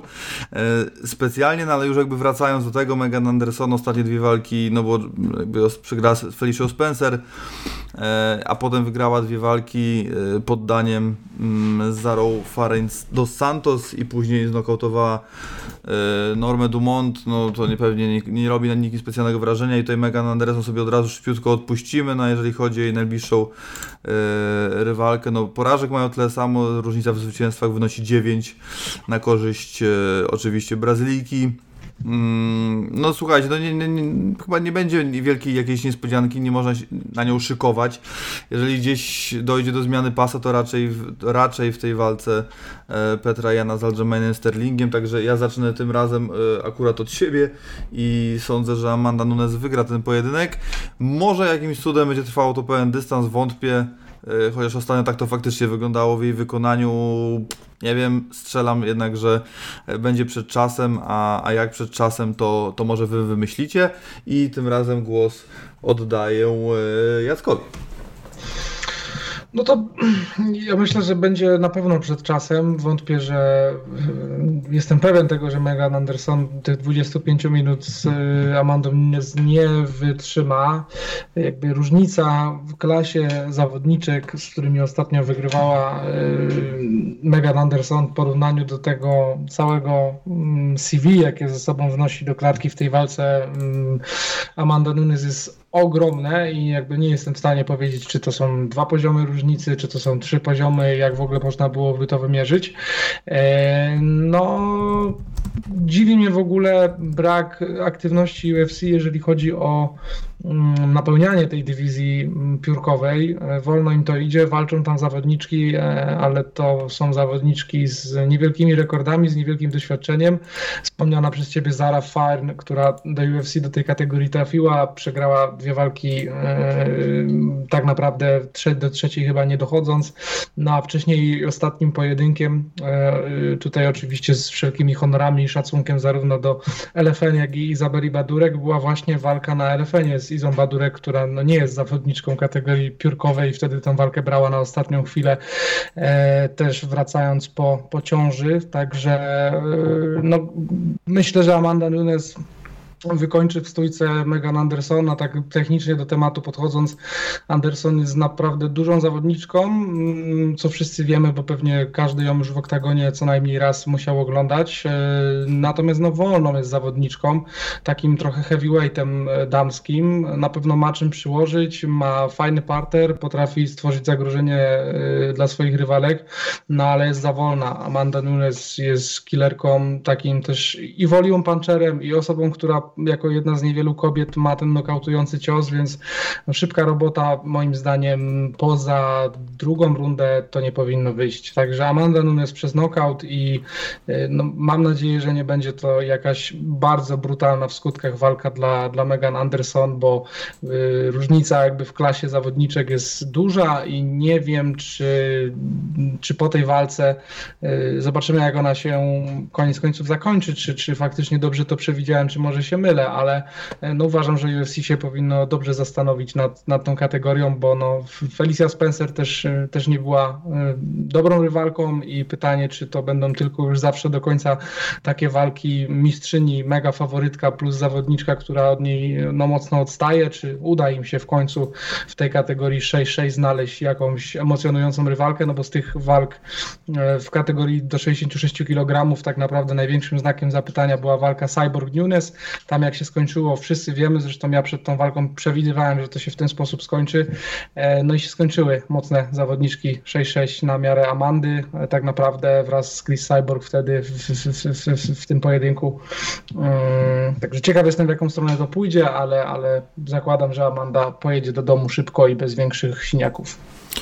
Filip, e, poważne MMA w przypadku Megan Anderson, no to pewnie za, zaczynamy gdzieś od Invicty, chociaż e, która i tak szybko się zaczęła w jej karierze, tam była porażka, ale później, e, później były zwycięstwa i tam były cztery zwycięstwa przed czasem i to wszystko były nokauty, więc naprawdę dobrze, dobrze, dobrze to wyglądało. No później ten poziom się troszeczkę zwiększył, było, przyszło UFC, przyszła porażka przez decyzję z Holm, no później była walka z Kadzingano, ona tam była kontuzja oka, więc jakby to, to nie, że wykryła podkreślam, ale można pominąć w jakimkolwiek podsumowaniu jej kariery. Felicia Spencer poddała ją z pleców e, w pierwszej rundzie. No i później były te dwa zwycięstwa e, no, z mniej znaczącymi zawodniczkami e, o dość niskich rekordach. No więc jakby zmierzam do tego, czy Amanda Nunes też podda Felicia Spencer, czy Felicia Spencer pozna smak desek w koło main evencie UFC 259. Zanim odpowiem na Twoje pytanie, to jeszcze chciałbym e, wrócić do tego, co powiedziałeś, że można usunąć kategorię kobiecą 66 kg i męską muszą. E, Z męską się nie zgadzam, bo Davison Figueiredo i Brandon Moreno to naprawdę są pojedynki godne main eventów. A można by ich przenieść wyżej może. 4 kilo. Nikt nie zauważy. A wracając do tego, e, do tej walki, ja ogólnie mam e, dzięki Martynie przydzielone typowanie tego pojedynku i walki Amandy Lemos z Livią Renatą Souzą. Jar, jaram się jako antyfan. Naprawdę jaram się. A co do Megan Anderson, no to nawet te trailery są oparte na tym, że to jest e, ten nokautujący cios w pierwszej rundzie, że może ruszyć, natomiast warto zauważyć, że oprócz tego, że ma czym przyłożyć, o czym już powiedział Jacek, to jest również strasznie dziurawa. Zawodniczka na takim poziomie, jakim jest Amanda Nunes, e, nie wybacza takich błędów i zapytałeś mnie, czy podda, czy znokautuje. Wydaje mi się, że to zależy tylko i wyłącznie od tego, jakie widzimisię w oktagonie będzie miała Amanda Nunes, jak ona będzie chciała przeprowadzić ten pojedynek, bo to ona będzie dyktowała warunki, to ona będzie narzucała płaszczyzny, w których będzie się toczył ten pojedynek i to ona zdecyduje, czy chce zakończyć tą walkę przed czasem, a być może Megan Anderson będzie w stanie stawić jej opór, ale nie sądzę, że to potrwa mm, na pełnym dystansie. Widzę to jednak tak, że mm, nakręcona e, Anderson tymi trailerami i tym pewnie jak buduje jej otoczkę UFC pójdzie mm, z ciosami na Amandę Nunes, która e, wykorzysta e, to, że będzie dziurawa po prostu, zasypie ją ciosami, jest taka eksplozywna jak było to nie wiem, w przypadku walki z Chris Cyborg, kiedy miotała tymi ciosami i trafiała, trafiała Chris, która była bezradna i widzę to podobnie, zamknie. mm, zamknie na, na siatce swoją rywalkę i tam ubije ją. Mm, Nawet bym się nie dziwił, gdyby było to w pierwszej rundzie. Mhm.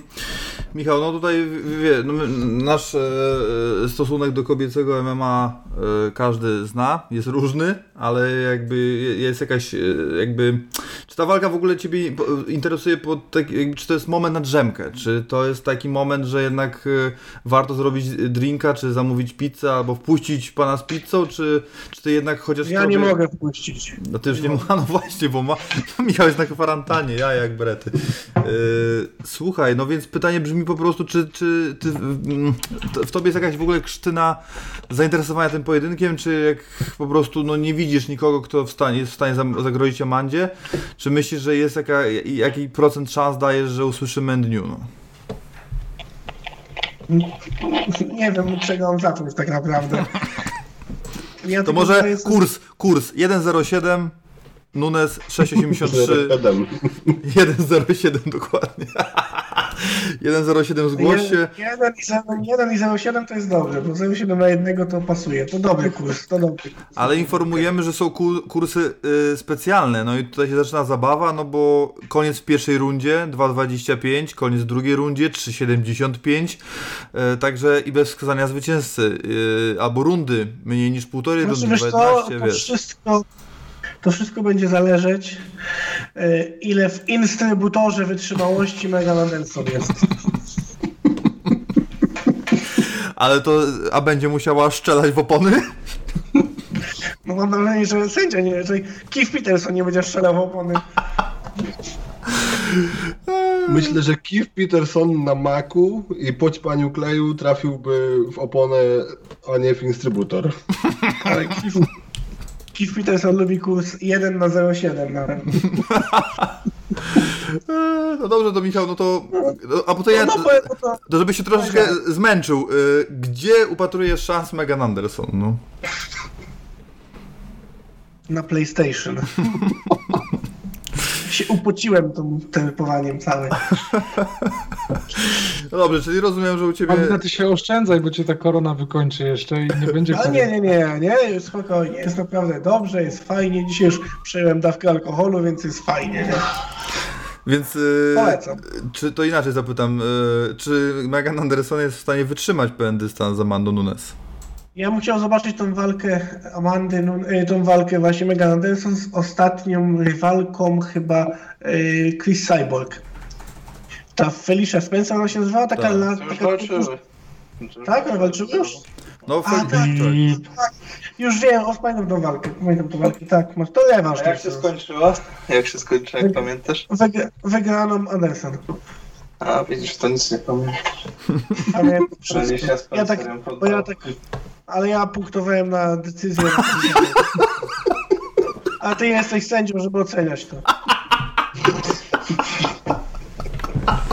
Coś jeszcze masz do powiedzenia? Dzisiaj jest pięć i przelewy będą robione. No i koniec, no i teraz sytuacja wygląda tak. To jest walka w 6-1, a osta... A i wypunktowała Megan Anderson Felicia Spencer. No zmieniamy rzeczywistość, no.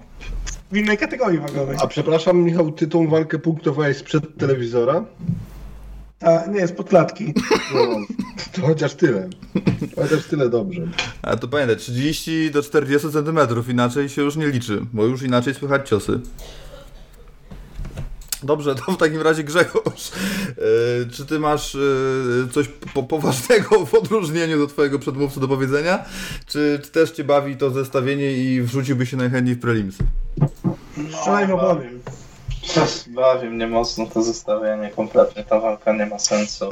To pokazuje tylko jak płytka jest ta dywizja, która tak jak Jacek powiedział istnieje tylko tak teoretycznie, a w praktyce to tam no ile jest tych zawodniczych z cztery.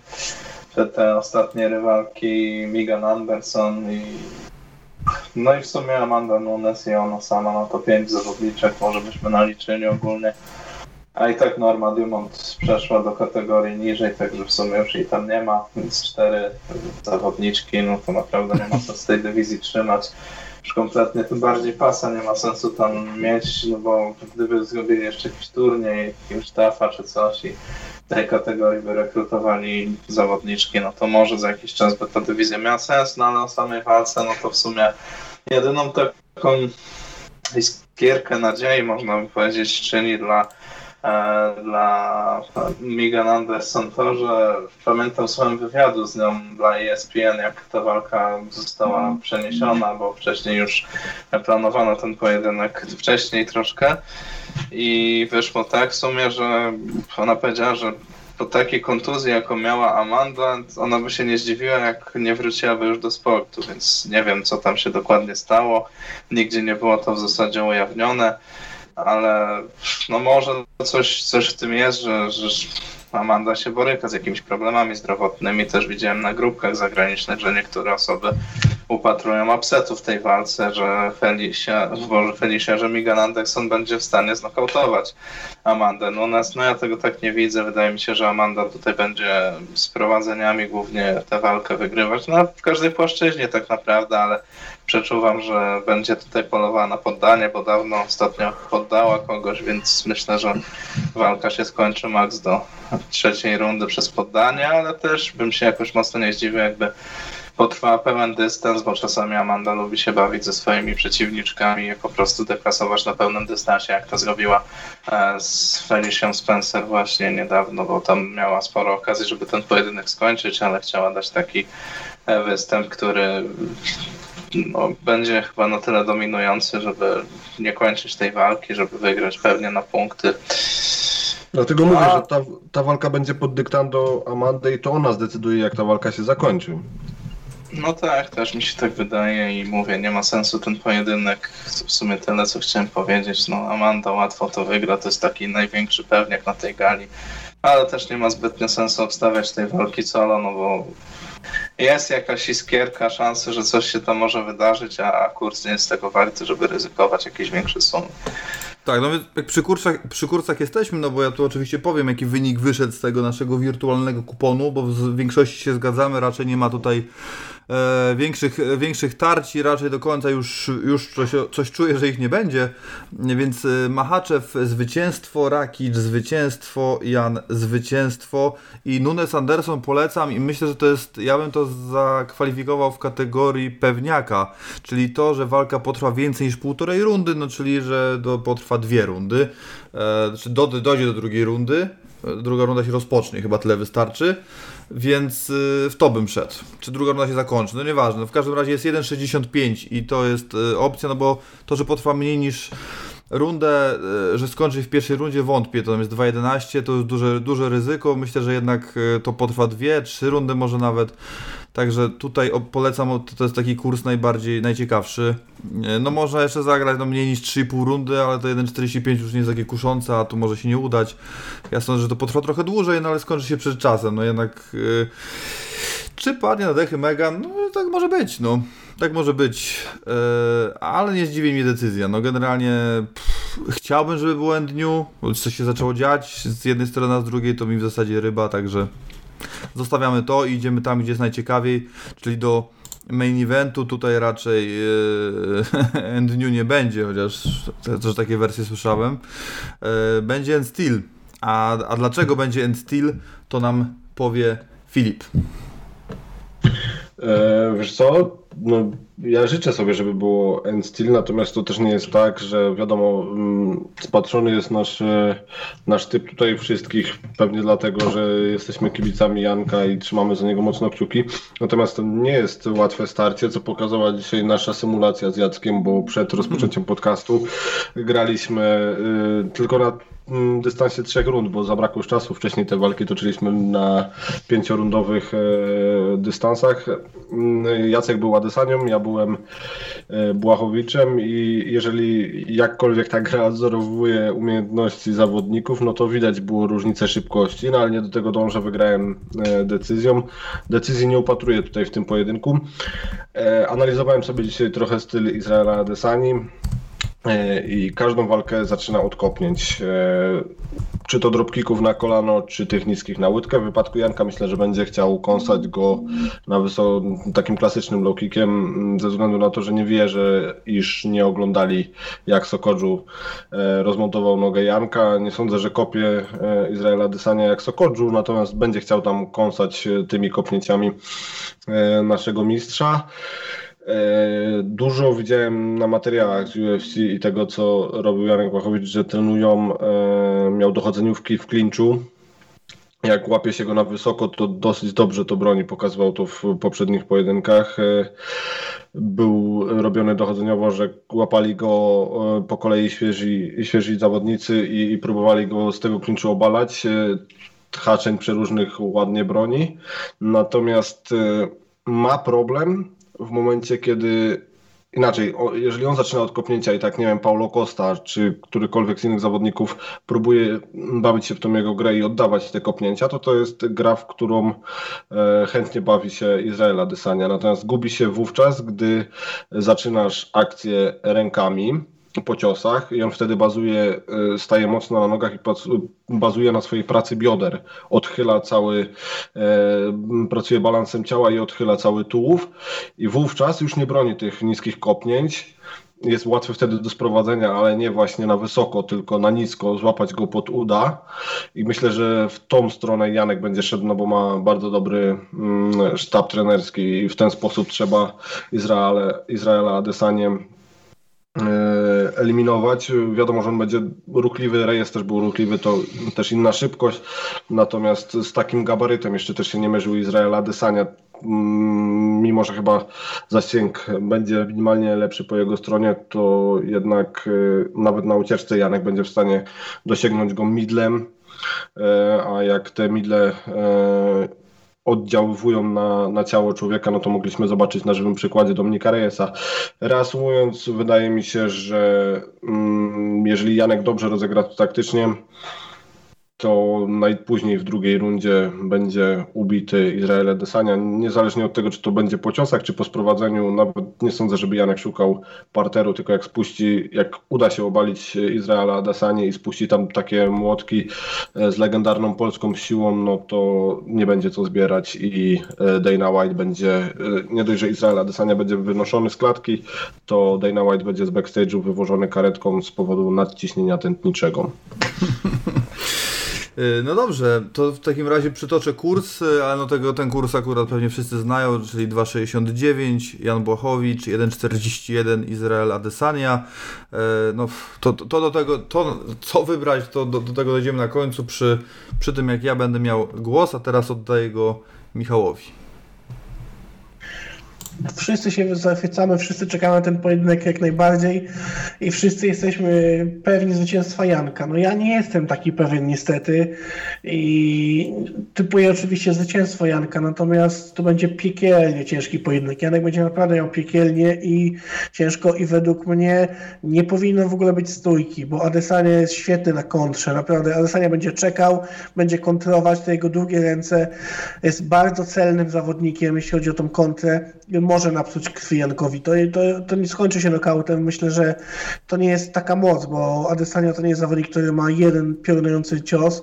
On kilkoma ciosami dopiero nokautuje, tak zrobił to chociażby z Whittakerem. Dlatego myślę, że y, no, ta wytrzymałość Janka to jest jednak kategoria wyżej. Y, nie pozwoli Adesanie tak szybko skończyć Janka i to też uratuje dużo szans.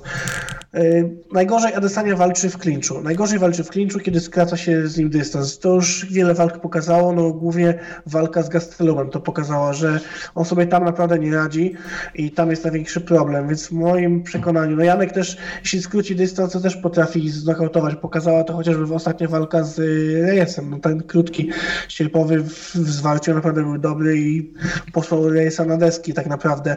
Dlatego ja uważam, że kluczem do sukcesu będzie skrócenie dystansu właśnie, zamknięcie, próba zamknięcia Adesani na siatce, skrócenie dystansu i przede wszystkim obalenie, szukanie tego obalenia. Oczywiście wiele osób, wiele zawodników próbowało tego parteru z Adesanią. On te defensywne zapasy naprawdę mocno podszkolił, natomiast no to, co mówię, to jest inna kategoria wagowa tak naprawdę. On może ważyć tyle samo co Janek, ale to nie jest zawodnik kategorii półciężkiej. I ta przewaga siłowa będzie znaczna po stronie Janka i ta fizyka też będzie po stronie e, Janka, więc myślę, że ten clinch powinien wziąć w górę, clinczowanie, wymęczanie tam Adesani, uwieszanie się na nim, on te kilogramy będzie musiał dźwigać, a to nie jest zawodnik, który jest jakoś mega muskularny, to jest raczej ten typ patyczaka, więc te kilogramy dźwigane przez niego na pewno odczuje, no, umęczanie go w tym klinczu, niech on dźwiga tego Janka, no i próby obaleń przede wszystkim, próby obaleń i próby poddań, bo myślę, że e, Janek ma na tyle dobry ten parter, że mu będzie w stanie poddać tego, tego Adesanie, dlatego mój typ to jest trzecia runda poddanie. I ja widzę, nie wiem dlaczego, ale trójkąt rękoma. I to od chyba dawien dawna widzę, że Janek poddaje tego Adesanie trójkątem rękoma. I myślę, że życzyłbym sobie, żeby właśnie tak ta walka się skończyła. Mm. No tutaj na czacie się pojawiają e, jakby te, też takie głosy no może rozsądku, e, takie jak twoje, czyli żeby no, nie lekceważyć, no, nie będzie lekceważył na tym poziomie, ale że to, że, że, że to nie, że jest, będzie może być problem że jesteśmy zbyt pewni i tak dalej, i tak dalej. Znaczy, mowa o mnie, no bo ja zacząłem. No to będzie tak, w moim przekonaniu ale... najtrudniejsza walka w y, karierze Janka Bachowicza. Zdecydowanie. Mhm. No dobrze, e, to ty mówisz e, trójkąt rękoma w trzeciej rundzie. E, Grzesiek, jak, jak ty widzisz ten pojedynek? I pytanie takie jeszcze dodatkowe. Czy jest tak, że któryś z obozów, czy któryś z zawodników ściemnia? W sensie mam na myśli oczywiście wyrównanie szybkości, czyli to, że Janek będzie lżejszy, chudszy, aby wyrównać, znaczy nie wyrównać, no ale jakby na, nabrać troszeczkę tej szybkości, a może Adesania e, ściemnia i jednak nabierze trochę tych kilogramów, żeby być cięższy do przepychania, może mieć trochę więcej siły minimalnie, czy żaden nie ściemnia i faktycznie jest tak jak mówią i każdy będzie grał jakby swoimi, swoimi atutami ze swojej kategorii wagowej. Ale gdzie to w ogóle o Janka szybkości było? No wiesz, y, był, był, było pytanie, czy Janek będzie zbijał kilogramy, żeby być szybszy. Janek twierdzi, że nie. Było pytanie do Adesani, czy będzie nabierał kilogramów, żeby być trochę silniejszy. No to, tak, Też tak, było, że nie. Każdy negował i czy któryś ściemnia. No nie, no myślę, że Janek sam stwierdził, że on będzie bazował na timingu, a nie na szybkości, bo szybkości i tak się już nie nauczy i to nic mu nie da, więc myślę, że on wejdzie akurat z taką wagą, jaką zazwyczaj wnosi do klatki i będzie chciał nawet mieć przewagę tych kilogramów nad Adesanią. A Adesania, no faktycznie może trochę tam ściemniać z tym, że nawet byłby w stanie zrobić limit 8-4, ale powiedział, że nie jest tak głupi jak Tony Ferguson, żeby to robić, bo chciał jakby do obrony pasa się przygotować z limitem swojego 8.4, to bez sensu kompletnie, a czy byłby w stanie to zrobić? No być może, ale no to wszystko się okaże na ważeniu, no jeśli będą obaj pod limit, znaczy no Janek na pewno będzie, a jak Adesania będzie miał e, pod limit, a nie jakieś 92 czy 91, to znaczy, że coś tam faktycznie nabrał i nawet musiał wodę zbijać pewnie do tego, no bo nie wiem ile on tam waży na roztrenowanym, coś koło, myślę na tych 93, 4 może, no coś na pewno zbija, no bo to nie jest możliwe, żeby nie, no ale to też u niego nie ma aż takiego znaczenia, bo on walczył w kickboxingu nawet w kategorii ciężkiej powyżej 100 kg i tam wcale to nie wpływało na jego szybkość, na jego timing, a wręcz nawet może i był groźniejszy wtedy, jak miał więcej kilogramów, no bo ta siła też wtedy trochę rosła, jakby nie patrzeć. No, sama walka jest dość trudna do typowania, no bo nie wiem, wydaje mi się, że niektórzy troszeczkę zapominają, jak dobrym zawodnikiem jest Adesanya, ale faktycznie częściej gra to tu w tej walce może być wyłączona przez Jankę, chociażby te niskie kopnięcia, które w zasadzie doprowadziły go do zwycięstwa w walce z Janem Romero, a myślę, że jak Janek raz, dwa zablokuje to kopnięcie, to nie wykluczam nawet takiej opcji, że walka skończy się jak starcie Andersona Silva z Chrisem Whitemanem, rewanż, bo, bo i tak może być jak Adesania źle kopnie, źle ulokuje nogę, Janek ją w odpowiednim momencie podniesie, to kto wie, co tam się może wydarzyć. Na pewno Adesania na jakiś czas zaprzestanie kopnięć, a może nawet i do końca walki, w sensie niskich, a to jest jego główny atut, no bo on w zasadzie w ostatnich pojedynkach to prawie wszystkich e, przeciwników okopywał, przeciwnikom okopywał nogi, zwłaszcza w ostatnich dwóch pojedynkach Joelowi Romero mocno wykruszoną nogę okopał, a Paulo Koście tak samo, a Paulo Costa miał jeszcze kontuzję w tej nogi, bo coś tam zerwał jakiś mięsień wtedy.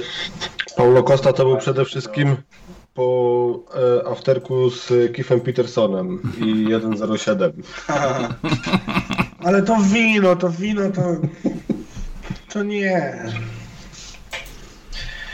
Wracając, no wydaje mi się, że Janek naprawdę ma tutaj szansę zaskoczyć i, i wygrać ten pojedynek nawet w stójce, bo Adesanya już pokazał, że jak zostanie mocno trafiony, tak jak w walce z Janem Romero, no to później ciężko mu powrócić do takiej pewności siebie w pojedynku i w zasadzie pouciekał sobie mocno przed Jelem w tamtej walce i głównie bazował na niskich kopnięciach z dystansu. No, jak Janek go zdzieli bombą i poczuje tę siłę, no to też być może nie będzie taki chętny na toczenie pojedynku z nim i będzie próbował kopnięć, a jak Janek zablokuje kopnięcia, to wtedy sobie zda sprawę, że ma naprawdę spory problem z tym, e, jak ma to ugryźć. No nie sądzę, żeby Adesanya schodził do parteru, wiem, że tam gadał różne rzeczy, że może w końcu kogoś podda, no na pewno nie w tej walce.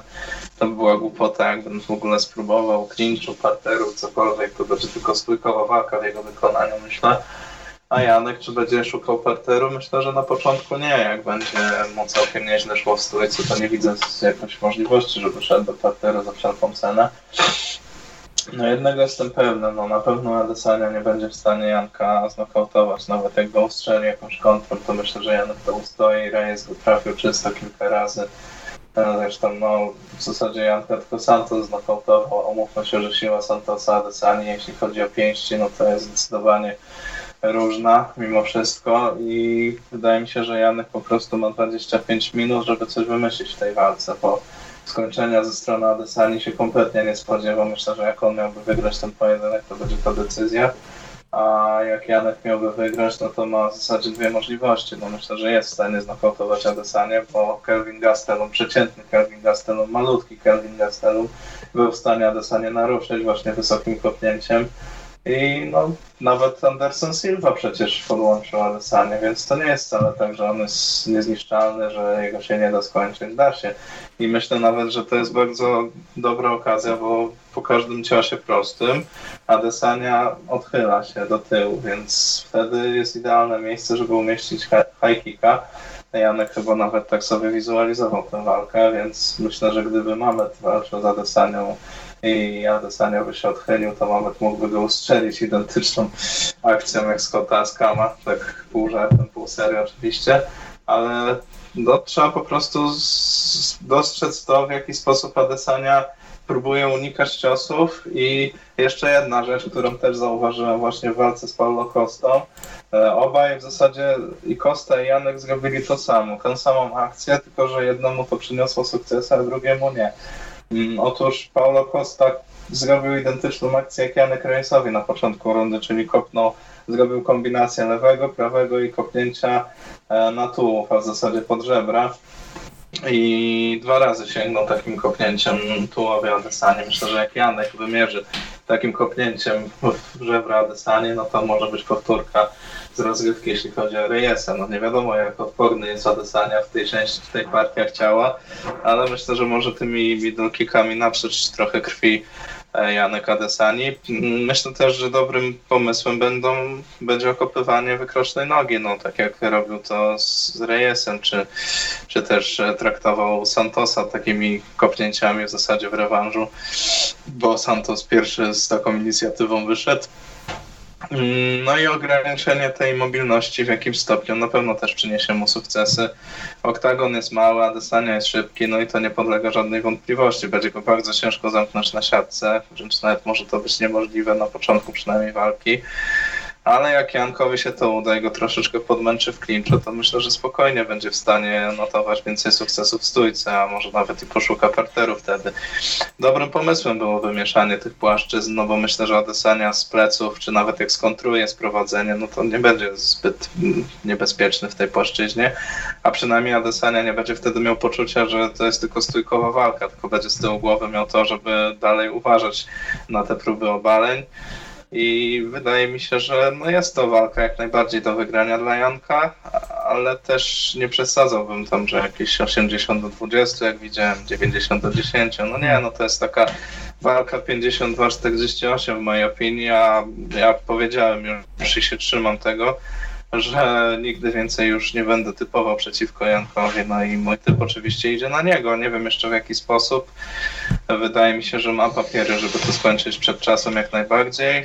Jeśli by doszło do decyzji, to przeczuwam, że jednak większa atuty będzie miała Desania, żeby tę walkę dowieść na punkty, tylko że też nie widzę aż tego tak, że, że żeby mocno Janka porozbijał, to raczej będzie z jego wykonaniu taka walka jak dał z Joelem Romero, a ona nie była zbyt widowiskowa, ale wtedy jak poczuł siłę i, i wiedział po prostu, że nie ma sensu się wdawać w wymiany w bliskim dystansie z e, Kubańczykiem, no to bardzo zachowawczo walczył i, i robił po prostu najmniejsze minimum, że tak powiem. To trochę tak dziwnie brzmi, ale tak było, żeby ten pojedynek dowieść e, decyzją na punkty, a część osób nawet uważała, że Romero robił w tamtej walce więcej, żeby ją wygrać, także stawiam na Janka, no nie wiem jak jeszcze pomyślę nad tym, naprawdę to jest e, ciężki kawałek chleba. Mm, Tak samo jak Michał, e, widzę też gdzieś tam oczami wyobraźni ten trójkąt ewentualnie.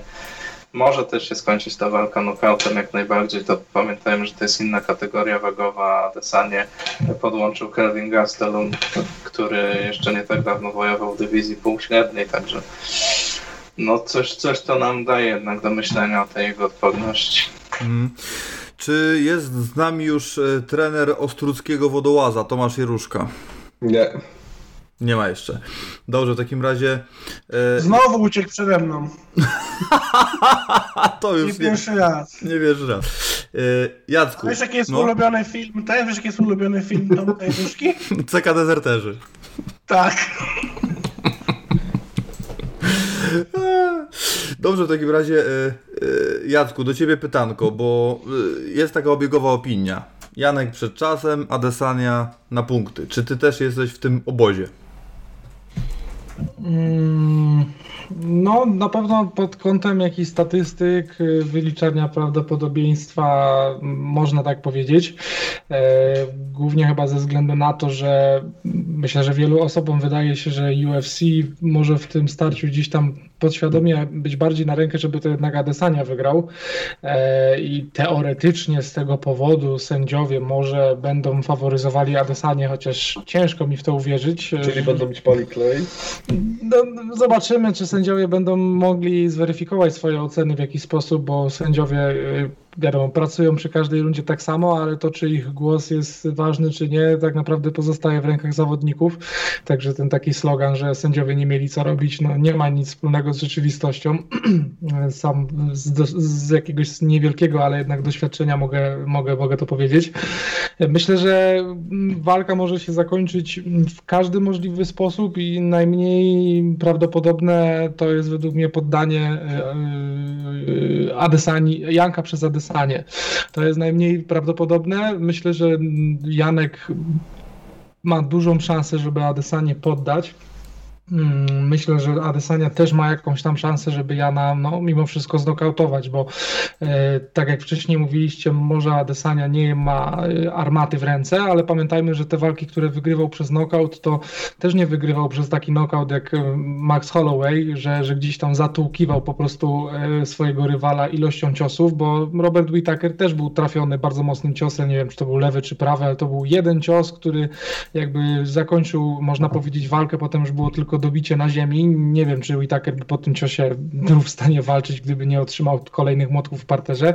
Także uważam, że Adesania też na pewno będzie szukał luk e, u Janka, gdzie można te ciosy wsadzać. E, wydaje mi się, że Janek lubi trochę opuszczać prawą rękę e, i, i no to wysokie kopnięcie to te z lewy, właśnie z tej strony prawej, czyli z lewej nogi Adesani, to jest coś, na co, na co on będzie musiał uważać, bo ja uważam, że Adesania będzie próbował sprowokować Janka rękami, swoim balansem, skakaniem na boki do tego, żeby się z tej strony odsłonić i, i będzie chciał ten pas odebrać w wielkim stylu i nie będzie to taka walka z jego strony jak z Joelem Romero, a e, nie będzie taka z prostego powodu, bo tym razem to Adesania przychodzi walczyć o pas, a nie on tego pasa broni, także ja tutaj akurat e, Adesani e, muszę pobronić, jeżeli chodzi o tą walkę z Romero, no bo to nie była walka ciekawa, ale powiedzmy sobie, no Romero tam wszedł z zamiarem znokautowania i tak naprawdę nie zrobienia niczego więcej. Nie próbował użyć swoich zapasów, prawdopodobnie przez jakieś kontuzje, bo to jest nie najmłodszy zawodnik, ale, ale przecież to zawsze był jego mocny atut, a, a w ogóle w tej walce jakoś nie forsował e, zapasów. Może bał się, że, że nie da rady na tym, e, na tym, no nie wiem, nie wiem, nie wiem dlaczego tego nie robił, mniejsza z tym. Generalnie Adesania... Ja myślę, że sam uwierzył w swoją przemowę przed tą walką. When you believe, everything is possible. E, uwierzył, że będzie nokautującym zawodnikiem i wygra w płaszczyźnie którą de facto była płaszczyzna po stronie Adesani i stąd takie zachowanie w oktagonie. Niewykluczone, niemniej jednak tym razem Adesania wchodzi walczyć o pas, a nie go bronić, więc moim zdaniem będzie musiał wykazać się troszkę większą inicjatywą niż w tej walce z Romero, gdzie, gdzie głównie czekał na swojego rywala, który nie bardzo chciał atakować i wyglądało to trochę śmiesznie. Eee, jeżeli chodzi o taki scenariusz najbardziej prawdopodobny ze strony Janka, ciężko mi sobie wyobrazić ten knockout, e, o którym mówiłeś Mariusz i to wynoszenie na noszach. Na pewno jest taka... A, to przepraszam, to, to, to, to, to tutaj akurat do mojego kompana Filipa, który siedzi z boku, odpowiadam. E, jest na pewno duża, jest na pewno przewaga siły po stronie Janka, są te dodatkowe kilogramy. E, jeżeli Jarek to wygra przez knockout, to myślę, że bardziej bijąc z góry w parterze niż, niż bijąc w stójce, ale myślę, że jak już będzie w parterze i będzie miał możliwość zadawania ciosów, to raczej będzie szukał poddania, no bo tak naprawdę Adesania parterowo jest dalej zawodnikiem totalnie niezweryfikowanym. Nie walczył z żadnym mocnym parterowo zawodnikiem, a nawet jeżeli walczył z zawodnikami, którzy w parterze fajnie potrafią się pokulać, to, to, to ten parter no, nie trwał, ale ani nie do, albo nie dochodziło do niego, tak jak w przypadku, nie wiem, no, Whitakera, który nie jest parterowcem, ale, ale na pewno umie się tam ruszać. I no, Adesanya jest niezweryfikowany parterowo. E, każdy, kto go próbował obalać z lepszym lub mniejszym skutkiem, nie był w stanie go jakoś przez dłuższy moment na tej ziemi utrzymać. Wielu tam ekspertów się odwołuje do walki z Derekiem Bransonem, twierdząc, że Branson jest jakimś megatuzem zapaśniczym i skoro Branson nie był w stanie go obalić, to, to Janek też sobie nie da rady. No ja po pierwsze uważam, że Branson wyszedł do, do tej walki z mega beznadziejną formą, zarówno fizyczną, jak i psychiczną. Te jego obalenia były bardzo przewidywalne. Tak naprawdę próbował obalać cały czas w ten sam sposób. Robił to ślamazarnie, czytelnie. Potem już był zmęczony, bo to też jest zawodnik, który raczej kończy walki w pierwszej rundzie, więc no, Adesania go po prostu kawałek po kawałku zjadał. E, Curtis Bladis powiedział o Janku, że to jest większa wersja Paulo Kosty. No, też uważam, że to jest potwarz i obraza dla Janka, bo, bo jednak ten wachlarz technik, dorobek zawodowy i, i to, co Janek pokazywał w karierze, to jest dużo więcej niż to, co pokazywał troszkę mimo wszystko napompowany Paulo Costa. I ciężko tą wypowiedź ubrać w jakimś takim jednym kierunku, ale żeby też nie zanudzić naszych słuchaczy i oddać głos być może Tomkowi, który się niespodziewanie zjawi, e, no to tak, e, jeżeli chodzi o stójkę, na pewno Janek musi uważać na, na te kopnięcia. Mm, Janek fajnie potrafi kopnięcie zablokować, czego w ogóle na przykład Paulo Costa w walce nie robił, więc liczę na to, że właśnie jeżeli Adesania zacznie sobie pozwalać, to, to będzie przez Janka stopowany. E, wątpię, że Janek się od razu rzuci po parter, bo sam o tym mówi, a on raczej jest takim gościem szczerym i rzadko jest w stanie jakby y, poukrywać za dużo w swoich wypowiedziach, więc wydaje mi się, że będzie chciał mimo wszystko za Adesanią sprawdzić się w stójce, złapać się, y, gdzieś tam poczuć nawet y, gdzieś tam ciosy Adesani na sobie. Tu fajny cel do atakowania ze strony Janka, ja bym się na, na jego miejscu nie nastawiał bardziej, za bardzo na, na samą głowę, bo Adesania jest mega mobilny, Janek sobie chyba z tego zdaje sprawę i najgorszym scenariuszem dla niego byłoby to, gdyby właśnie stracił za dużo siły, ale ale nie na jakimś konstruktywnym ataku, tylko na, na, na, tego, na, na tym pruciu powietrza. Natomiast no, Adesanya na pewno ma, ma szansę na, e, na pełnym dystansie. E, kondycję ma dobrą, jest szybki, ma chyba mimo wszystko jednak będzie lepiej stał, jeżeli chodzi o zasięg od Janka. E, I dla jednego i dla drugiego chyba najtrudniejsza walka życia. Mm, mam nadzieję, że Janek znajdzie sposób, żeby Adesanie sprowadzić, żeby go utrzymać. No i wydaje mi się, że jeżeli go tam utrzyma, uda mu się przejść pozycję, e, troszkę w tym parterze pokulać, tak jak to robił z walce z Kryłowem, to dojdzie do momentu, w którym będzie wiedział, że to jest ten moment. Niewykluczone, że trójkąt rękami e, ta dysproporcja jest między, moim zdaniem, e, Janek jest mocniejszy na pewno w parterze niż Adesania, jest tam szybszy czy lepszy technicznie od niego w stójce. E, więc jeśli mu się uda sprowadzić, nie być przedtem naruszonym, bo pamiętajmy o tym, że tak samo Adesania może znokautować Janka, jak i może się to odbyć w drugą stronę. Nie, nie zapominajmy o tym, że Adesania też nokautuje i nie bądźmy zdziwieni, jeżeli taki scenariusz będzie miał miejsce. No ale ja mam nadzieję, że Adesania będzie klepał e, po raz pierwszy i że to właśnie Janek będzie tym, który nie pozwoli mu dopisać 21 zawodowego zwycięstwa do rekordu. Mm, tak, pod kątem presji, no to Janek wchodzi na pewno z taką dużą presją osobistą, trochę mniejszą presją środowiska. Mam tu na myśli na pewno jego chęć e, obrony tego pasa, potwierdzenia się na pozycji mistrza, no i możliwość gigantycznego znowu skoku do przodu po pokonaniu tak rozpoznawalnego rywala, no i mistrza innej kategorii. Natomiast no Adesania, e, myślę, że taka presja e, otoczenia gdzieś tam na nim ciąży, może troszkę mniejsza presja osobista, no bo nie wchodzi z, ze swoim pasem, jak dostanie od Janka to wraca do swojej dywizji, y, trochę na tarczy, no ale jednak y, ktoś w wadze do 185 funtów będzie się musiał znaleźć, żeby go tak naprawdę strącić z tronu, więc 52-48 y, to jest bardzo dobry stosunek. Ja bym chyba sobie nie wybaczył w tak ważnej walce dla polskiego MMA typowania przeciwko faworytowi mojemu, naszych rodaków, także stawiam na Janka, mam nadzieję, że podda no i co, będziemy, będziemy oglądać, chłopaki będą komentować, zobaczymy, yy, kto z nas yy, tak naprawdę był najbliżej w, w rozbiciu tej walki na jakieś tam mniejsze części. A ja mam ciekawostkę odnośnie typowań i, i stawiania kuponów od walki w Krakowie Janka, kiedy wrócił na te zwycięskie tory. Stawiałem sukcesywnie za każdym razem kupon i nie postawiłem tylko raz i było to w przypadku walki z Tiago Santosem. Wówczas Janek przegrał, postawiłem postawiłem e, w kolejnych pojedynkach, postawiłem również w pojedynku z Dominikiem Reyesem, więc jak na razie sprawdza się, e, się to, co e, gdzieś tam sobie założyłem, że jeżeli ja stawiam na zwycięstwo Janka, to Janek wygrywa, więc i tym razem mm, postawię na zwycięstwo Janka. A ja jeszcze takie pytanko do, do wszystkich uczestników dzisiejszego podcastu. Czy ktoś domyśla się i w jaki sposób przewiduje, co to jest to coś specjalnego, co Janek ma przygotowane na Adesanie?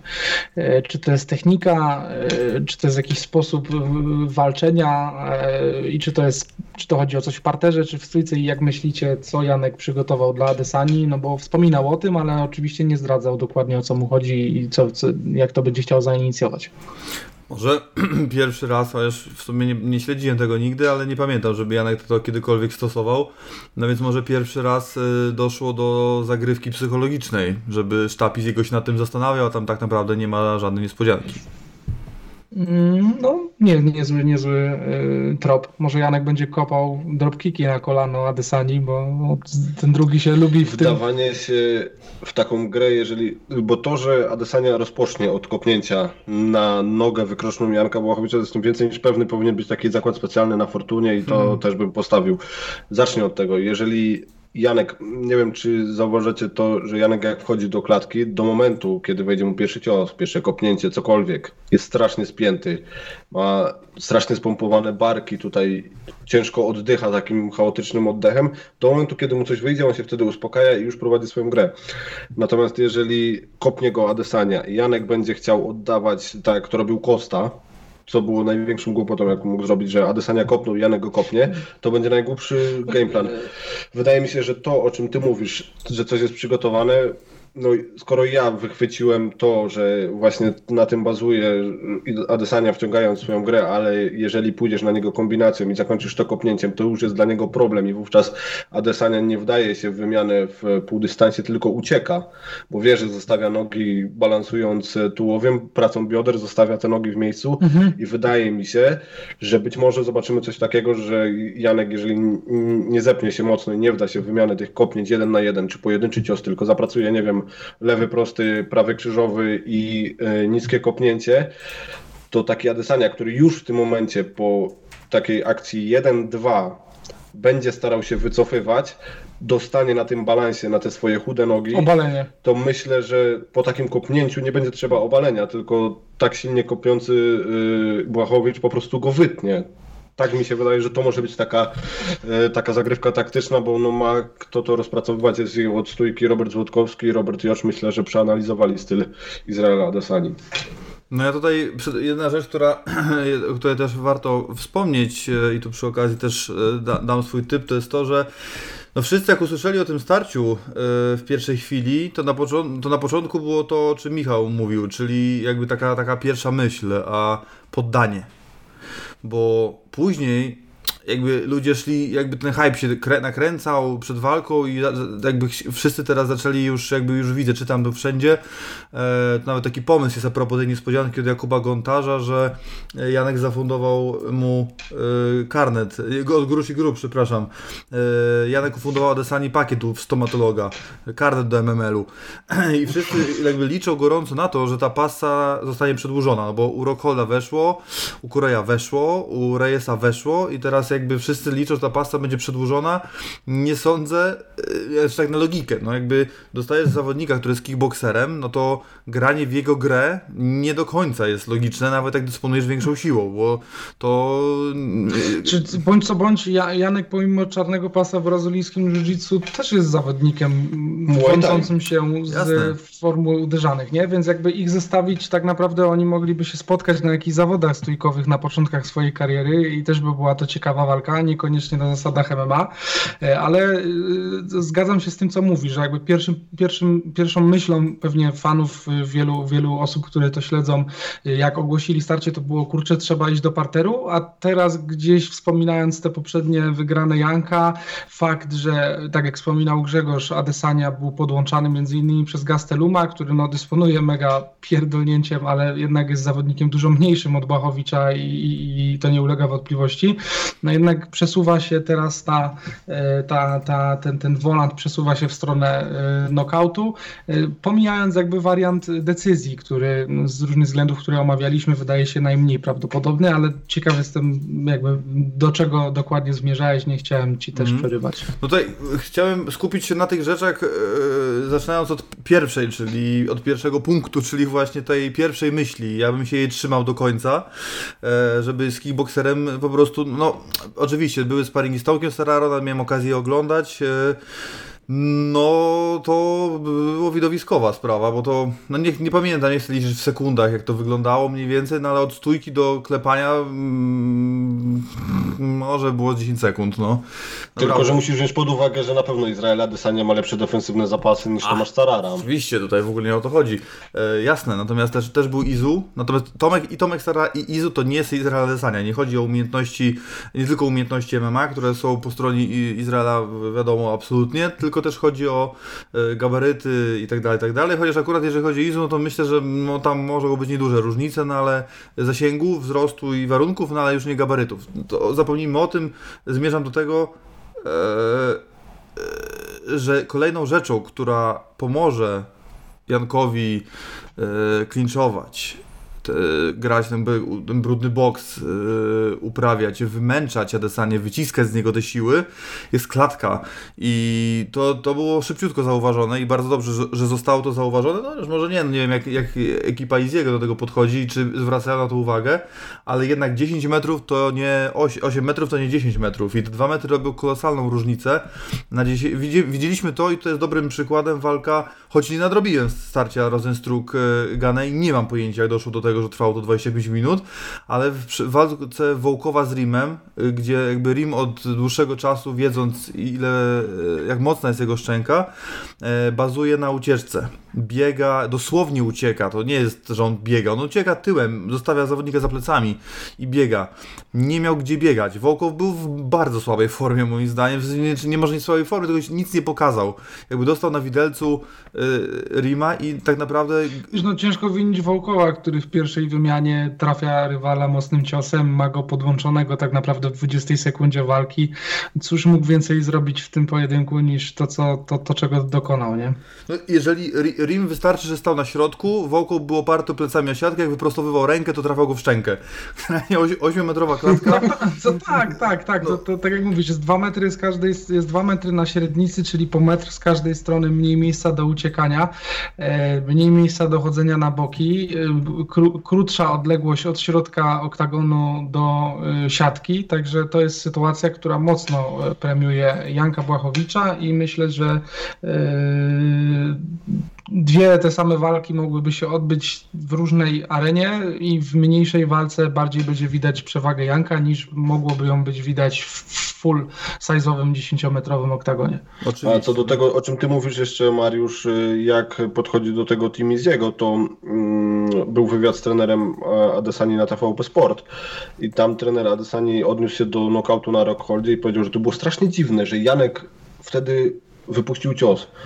No kurde, jak rozrywam clinch, to staram się ubić jeszcze na rozerwaniu swojego rywala. Dla mnie to nie jest w ogóle dziwne, to jest jedno. A druga rzecz, o której y, chcę jeszcze też teraz mm, napomknąć, y, bo mi się przypomniało akurat, to pamiętacie jak Jacare walczył z Jankiem i potem po walce powiedział, że Janek był ogromny, a Jacare jest no, dużo większym gabarytowo zawodnikiem niż Izraela Adesanya, więc mam wrażenie, że nawet jak, jeżeli na face-offach tego tak nie będzie widać, to jak drzwi tej małej klatki się zamkną i Izrael Adesanya spojrzy, że w przeciwnym narożniku jest tak wielki chłop, a ta klatka jest tak mała, to troszkę tam, mm, jakby to mówił Marcin Najman, flaga Japonii zrobi się w majtkach. Mm, No, naprawdę, te, te 8 metrów to jest du- bardzo duża różnica i pamiętajmy też, że no nie wiem, że ma jakieś duże znaczenie w tym wypadku, no ale licząc, że kost, no jakby porównali trochę Kostę do Janka, absolut, absurdalne dla mnie to jest, ale niech będzie.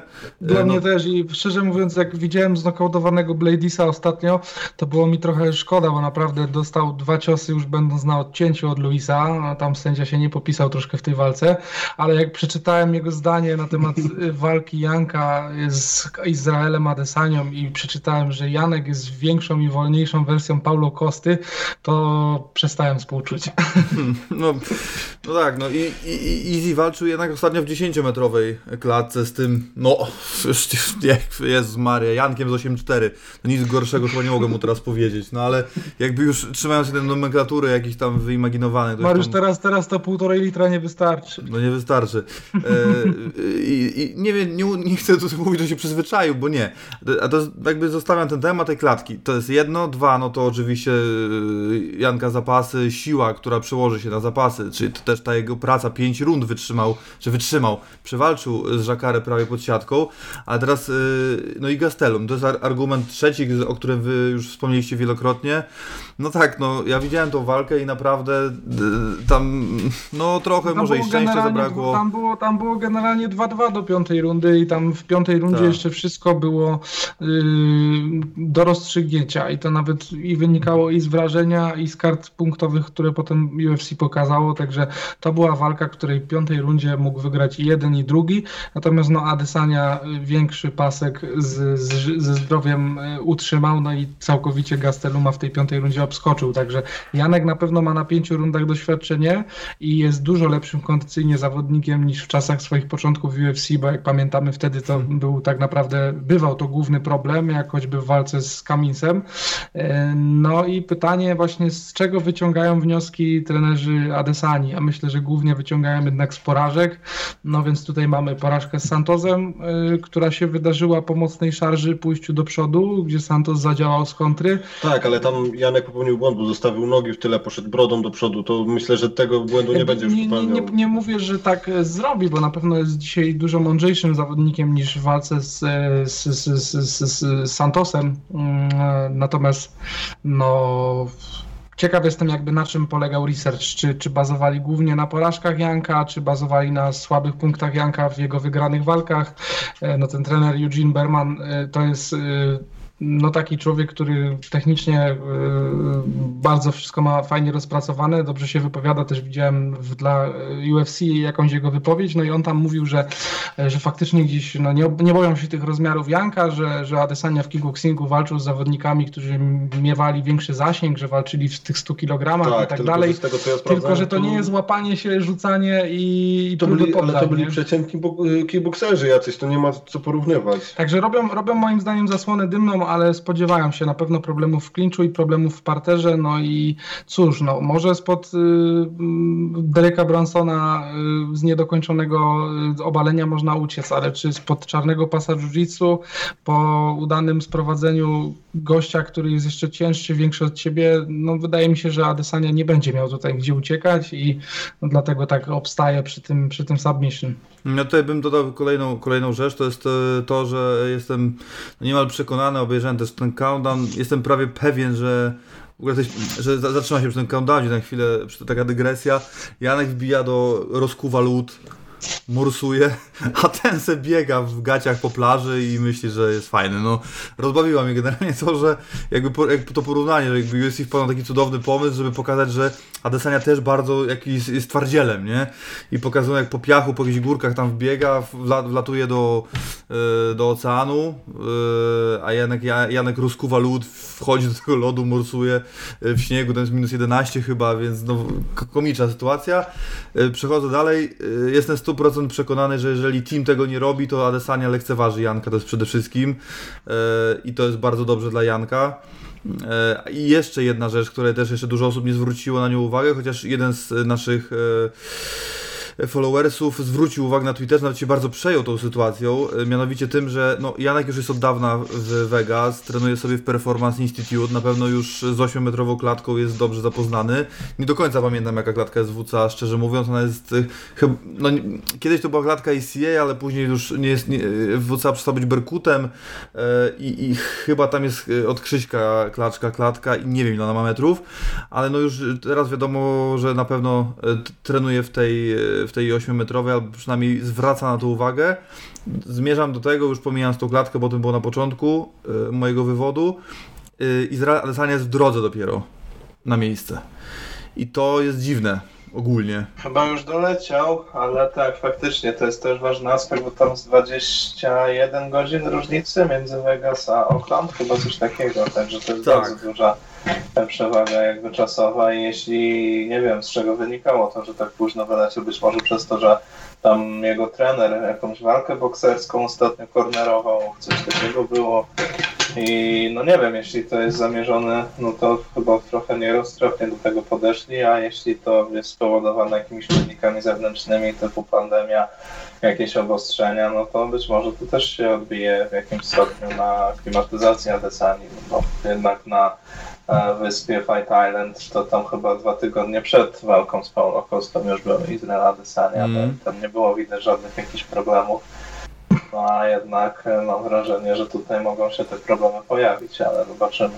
Tak, to, jest, to, to też trzeba wziąć absolutnie pod uwagę. Jestem też bardzo ciekawy i ogólnie za obstawianiem kuponu, jeżeli ktoś lubi oczywiście na to zwracać uwagę, bo niektórzy nie lubią, a i tak wygrywają, to poczekałbym na konferencję prasową i sprawdził, bo, bo Janka jestem spokojny, no Janku nie robią wrażenia takie rzeczy, ale jestem ciekawy, czy przy face to face nie, przypadkiem się nie okaże, że Easy nie trzyma ciśnienia. Jestem ciekawy, jak zobaczę Janka na żywo, e, a jeszcze, no, w cudzysłowie chudego, no bo to będzie przed ważeniem. E, Jestem ciekawy, czy jak Adesanya się będzie zachował na konferencji e, i czy będzie trzymał ciśnienie. Wydaje mi się, że, że nie i ja wiemy dobrze, że to trzymanie ciśnienia akurat nie wiąże się z tym, że jesteś kozakiem, tylko zazwyczaj wiąże się z czymś odwrotnym. E, różnie bywa, nie ma reguły, ale to jest taki jeszcze aspekt, na który bym zwrócił uwagę, jak już ktoś lubi te wszystkie takie niuansiki. A, także jakby reasumując te wszystkie rzeczy, no ogólnie z, tych, z tego, jakby a propos aklimatyzacji, lekceważenia, bla bla bla, to są, to są te rzeczy, ale ja bym się skupił jednak na tej klatce i tym, że Janek no nie będzie się z nim boksował. To, ten, to, jak, to o czym Grzesiek powiedział a propos to, że Janek wychodzi spięty, wydaje mi się, że jeżeli dochodzą... Ja powiedziałem. Ty powiedziałeś, przepraszam, jeżeli Janek trafia, to, to rozluźnienie bierze się z tego, że dochodzi impuls do mózgu, że łapie dystans, że, ma, że wyczuł dystans i wtedy jest spokojny, że już że zawodnik jest w jego zasięgu jakby. Ta klatka mu w tym bardzo pomoże. E, Wydaje mi się, że, tak, że i, no, sądzę, że może pierwsza runda tak wyglądać, że Janek, jeżeli wyczuje dystans od razu w pierwszych ciosach, to spróbuje y, mocnych kopnięć, jakiejś szarży, może nawet, chociaż tu bym nie, tego bym unikał. E, I, I faktycznie spróbuję, ale jeżeli tylko poczuję, że, jest, że, ta, że nie ma szybkości, że ja, albo co gorsza w ogóle nie widzi ciosu, e, a i każdy z tych ciosów, który y, sprzeda Adesanya jest celny, no to myślę, że druga runda zacznie się, w czwartej minucie, 30 sekundzie Easy już będzie plecami na siatce albo plecami na macie. I w to bym, i to chyba jest najrozsądniejsze rozwiązanie. No można, jakby dobre robienie jest, jakby dobre jest robienie takiej mgły właśnie i taki, że Janek chce wygrać, e, że Janek chce czwarty knockout, bla bla bla, to jest bardzo dobre, bardzo sprytne i w to bym szedł i, i no i nikt mi nie wmówi, że Desania obroni większość e, prób sprowadzeń Janka, Janek naprawdę jest, e, może zrobić to nawet chamsko, nietechnicznie i to też powinno wejść. Nie, nic nie zrobi Adesania w, pod, w klinczu. E, jeżeli do drugiej rundy Adesania, nie, nie wiem, pff, nie, jakiejś serii ciosów niewiarygodnych nie, nie, nie, wle, nie, nie wsadzi na szczękę, tylko na szczękę, nic innego tam nie będzie miał raczej prawa bytu, to, to tam się już nic nie wydarzy i wydaje mi się, że Janek jest w stanie go i, i, i poddać go i go wymęczyć. Myślę, że nawet nie wierzyłem w to przed podcastem, że, że, że to powinno być, ale... Adesania od, odklepie z wyczerpania w piątej rundzie, będzie miał dosyć. Ale tak, tak mi się wydaje, że, że jest taka szansa na to, że Janek jest w stanie naprawdę go tak e, e, wkręcić w tą siatkę i w tą podłogę e, w każdej z rund, że, że, że te trzy rundy jest w stanie nawet wygrać, tylko nie sądzę, żeby to, żeby to było w ogóle potrzebne. E, tak mi się wydaje, także no mój typ jakby reasumując to jest poddanie właśnie druga, trzecia jak knockout do drugiej rundy bym się spodziewał poddania w trzeciej albo w mistrzowskiej yy, w czwartej rundzie, no w piąta to już raczej będzie decyzja, także tak to widzę i myślę, że jednak sobie z tym wszystkim Janek poradzi. Ogólnie bym miał, bym pracował w sztabie Iziego, y, no to na pierwszy rzut oka przyszłoby mi do głowy zrobić to, co zrobił Santos. No, gdzieś licząc, że Santos jest powiedzmy zawodnikiem a, mającym y, doświadczenie lżejszym, ogólnie półciężkim, jakby, który w 8-4 też, też, też miał z tą kategorią do czynienia i tutaj bym uciekał po obrębie, kąsał Janka, żeby go podkurwić i liczył na to, że Janek w końcu straci cierpliwość i ruszy, a Easy go skontruje. No, myślę, że to jest jedyna opcja w ogóle, jaka się może wydarzyć i że w to mogą iść. E, Wcześniej myślałem, że 5 rund może go punktować jeszcze Adesanya, ale nie umiem sobie wyobrazić, jak przez 5 rund Janek go nie będzie w tej mniejszej klatce w stanie capnąć, no i, i, i tyle. Także no ja jestem spokojny, byłem tak samo spokojny przed rejesem, kupon postawiłem, kupon wygrałem, teraz też go postawię i też wygram i zdaję sobie sprawę, że to będzie ciężka walka, ale żeby się na końcu nie okazało, że ona będzie wcale się nie okaże taka ciężka i, i Janek nam powie, że wcale nie. Na koniec, ponieważ chodzą różne plotki i tak dalej, tak dalej, to od razu na czat mówię, że Q&A, szy- Q&A krótkie zrobimy, bo dużo czasu nie mamy, ale jednak bym was poprosił, żeby nie było, że In The Cage nie jest przygotowany na wszelkie e, ewentualności, gdyby jednak się okazało, że to nie jest przypadek, to późny przylot i tak dalej, tak dalej, tak dalej i doszło do zmiany i wszedłby replacement, który jest przyszykowany, gotowy i w gazie zdaje się, czyli Glover Teixeira. To krótko po jednym e, zdaniu. Filip, jak to widzisz? Hmm. Musisz, musisz bo- wziąć te pod uwagę wszystkie okoliczności, czyli to, że Janek się na niego nie szykował, tylko dostaje... Ale Glover, i- też, Glover też się nie szykował na Janka, bo nie wiedział, No tak. co wypadnie. Oczywi oczywiście, czyli jakby hipotetyzujemy, no ale jak to widzisz? Myślę, że Janek w e, stójce jest lepszym defensywnym zapaśnikiem niż Thiago Santos, więc nie da się tak łatwo sprowadzić Gloverowi i sponiewierać w parterze, gdzie Glover będzie najgroźniejszy. E, Natomiast to, że Glovera da się podłączyć, to pokazywał e, Thiago Santos i myślę, że tutaj w Każdy drugą... w zasadzie jego Tak. ostatni rywal pokazał. Natomiast tutaj w drugą stronę uważam, że ta walka zakończyłaby się w stójce na korzyść Janka, aby był w stanie unikać parteru z Gloverem Teixeirą, bo jest e, no, lepszym zapaśnikiem po prostu niż Thiago Santos, który tam został obnażony w tej płaszczyźnie. Dostaliśmy donate'a od razem ponad Hołchos i było w nim napisane do Maliny, żebyś go odbanował. Pierwsze... Pi- Pożyjemy, zobaczymy. pożyjemy, zobaczymy. Yy, dobrze. Na jaką sumę? Na jaką sumę? No 4 Będzie tam na 5 1,07? zł niecałe, no. A, To nie będzie na 1,07. Nie będzie. Michał, yy, Glover wchodzi, jak to widzisz? No i wiesz, jest, Glover jest zawodnikiem na zastępstwo, ale ja nie myślę, że to nie są przygotowania życia. No bierzesz walkę na zastępstwo, bierzesz przygotowania, że jesteś, jesteś w razie czego. No to z tyłu głowy nie masz czegoś takiego, że przygotowujesz się na 100%, bo ktoś wypadnie, tylko podejrzewam, są przygotowania gdzieś na 60-70%. Więc gdyby taka ewentualna walka była, to ja myślę, że Janek jest dużym faworytem. Jeszcze to, co chłopaki mówili, no Glover jest szklanką. On pierwszy cios przyjmuje i się chwieją, potem wytrzyma, to potrafi wytrzymać, ale Janek jak już poczuje krew, no to nie ma zmiłuj. To jest ta legendary Polish Power i jeśli Janek by trafił takiego Glovera, zachwiałby nim tak, jak to było w ostatnich walkach Glovera, no to to byłby koniec dla Brazylijczyka. Ja uważam, że jeśli, to, jeśli taka sytuacja będzie miała miejsce, jeśli to będzie ten Glover, to to nie będzie ciężka walka dla Janka, bo tak jak mówię, wchodzisz na zastępstwo, ale w cudzysłowie, przygotuj, przygotuj się, bo może coś się zdarzyć, no to, to człowiek nie podchodzi jakoś stricte super poważnie i nie robi przygotowań życia, więc myślę, że Glover nie będzie w najwyższej dyspozycji, w tej ewentualnej dyspozycji. Mhm. Grzesiek? No to w zasadzie zanim odpowiem, to chciałem Ciebie zapytać, bo może bo Ty przeprowadzać ten wywiad z Albim Szamajewem jeszcze odnośnie Janka i tego dystansu pięciu rund, bo ja tam czegoś chyba nie zrozumiałem. On stwierdził, że Janek ma większe doświadczenie na dystansie pięciu rund od Adesani? Czy ja coś źle zrozumiałem w tym wywiadzie? Bo... Uff, każesz mi pamiętać wszystkie moje wywiady, to się może nie udać. Bo Yy, nie, ale to było całkiem niedawno. akurat. Nie, nie mogę zdradzać tajników, tajników e, przeprowadzanych przeze mnie rozmów, e, a musiałbym zdradzić, żeby ci odpowiedzieć na to pytanie, więc e, no, muszę to przemilczeć i uznać, że po prostu nie pamiętam, co powiedział Arbi. No bo jeśli tak, no to nie, no to Janek tylko jedną walkę na dystansie pięciu rund stoczył, bo owszem miał kontraktowane ostatnie pojedynki na ten dystans, ale jak kończył walkę w drugiej rundzie, no to nie ma sensu tego liczyć. A Adesanya jednak trzy pojedynki toczył na tym dystansie z Bradem Tavareszem, z Kevinem Gastelumem, no i z Jarem Romero, także tutaj dystans na pewno będzie na, na korzyść Adesanya jednak mimo wszystko. A co do Glovera, no to tak jak Michał stwierdził, że faktycznie jeśli to jest zastępstwo, mimo wszystko, mimo że wiedział o tym wcześniej, bo przyjął e, taką propozycję, będzie miał na to, za to zapłacone, tak jak Michael Chandler, e, który był rezerwowym do walki Habiba z Gaethjem. Mm, Będzie pewnie też na ważeniu, no bo to w każdej chwili tak naprawdę ktoś może wylecieć, oby nie, odpukać. Ale nawet w przededniu gali albo w, w samym dniu gali może się ta walka posypać i wtedy Glover wskakuje, więc ważony będzie. Dostanie za to pieniądze, za zrobienie wagi, za przygotowania.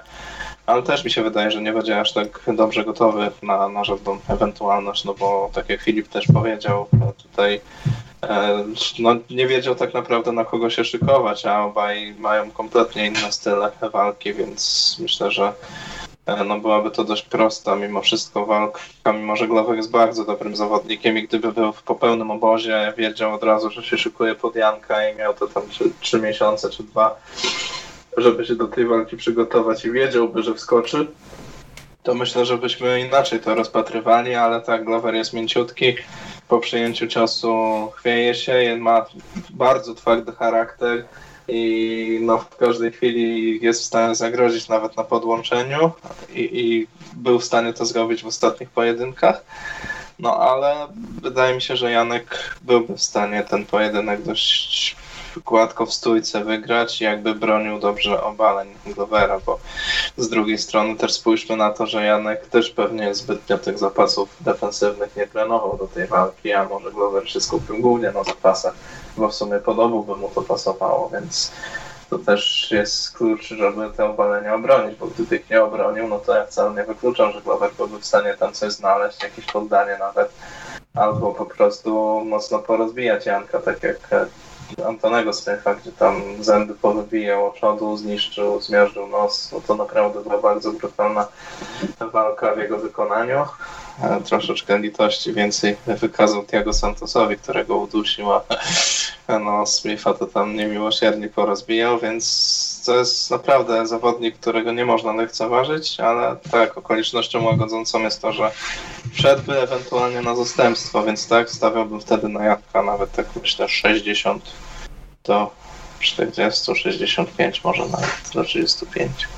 Tutaj padło na czacie pytanie akurat o donate, o Jacka Danielsa dla Janka, że 10 tysięcy na Jacka Danielsa. Nie, no zostawiłem taki limit, gdyby, e, gdyby e, jakbym ustawił za niski, a jednak by wyszło więcej, no to żeby jednak nie było jakichś tam nie, nie, nieporozumienia, także kwota zostanie wydana, tak jak zostanie uzbierana, no, ale no niestety e, no 175, nawet 100, 200 osób nas słuchało, ale tylko jeden donate wpadł tylko po to, żeby móc napisać ze względu na bana.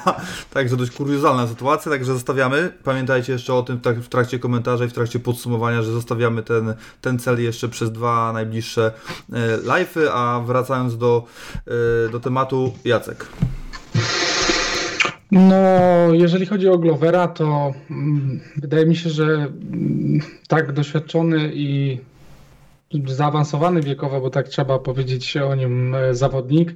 Ja nie sądzę, że Glover sobie pozwala na jakieś większe roztrenowania. Wydaje mi się, że on jest bardziej takim zawodnikiem, który po prostu trenuje na co dzień, bo gdyby przestał tak robić, to po prostu w, szybko by wypadł z formy. Myślę, że o taką optymalną formę cię, ciężej jest zadbać zawodnikowi e, wraz z upływem lat, więc tutaj ten argument o Gloverze, który trochę się przygotowuje, a trochę się nie przygotowuje, jakby nie, nie robi to dla mnie aż tak, takiej dużej różnicy. Wydaje mi się, że czy, czy Glover by wiedział, że walczy z Jankiem i dwa miesiące wcześniej, czy jest rezerwowym i jest takie prawdopodobieństwo, że będzie walczył, no to i zarówno jego gameplan, jak i to, co pokaże w klatce, będzie podobne.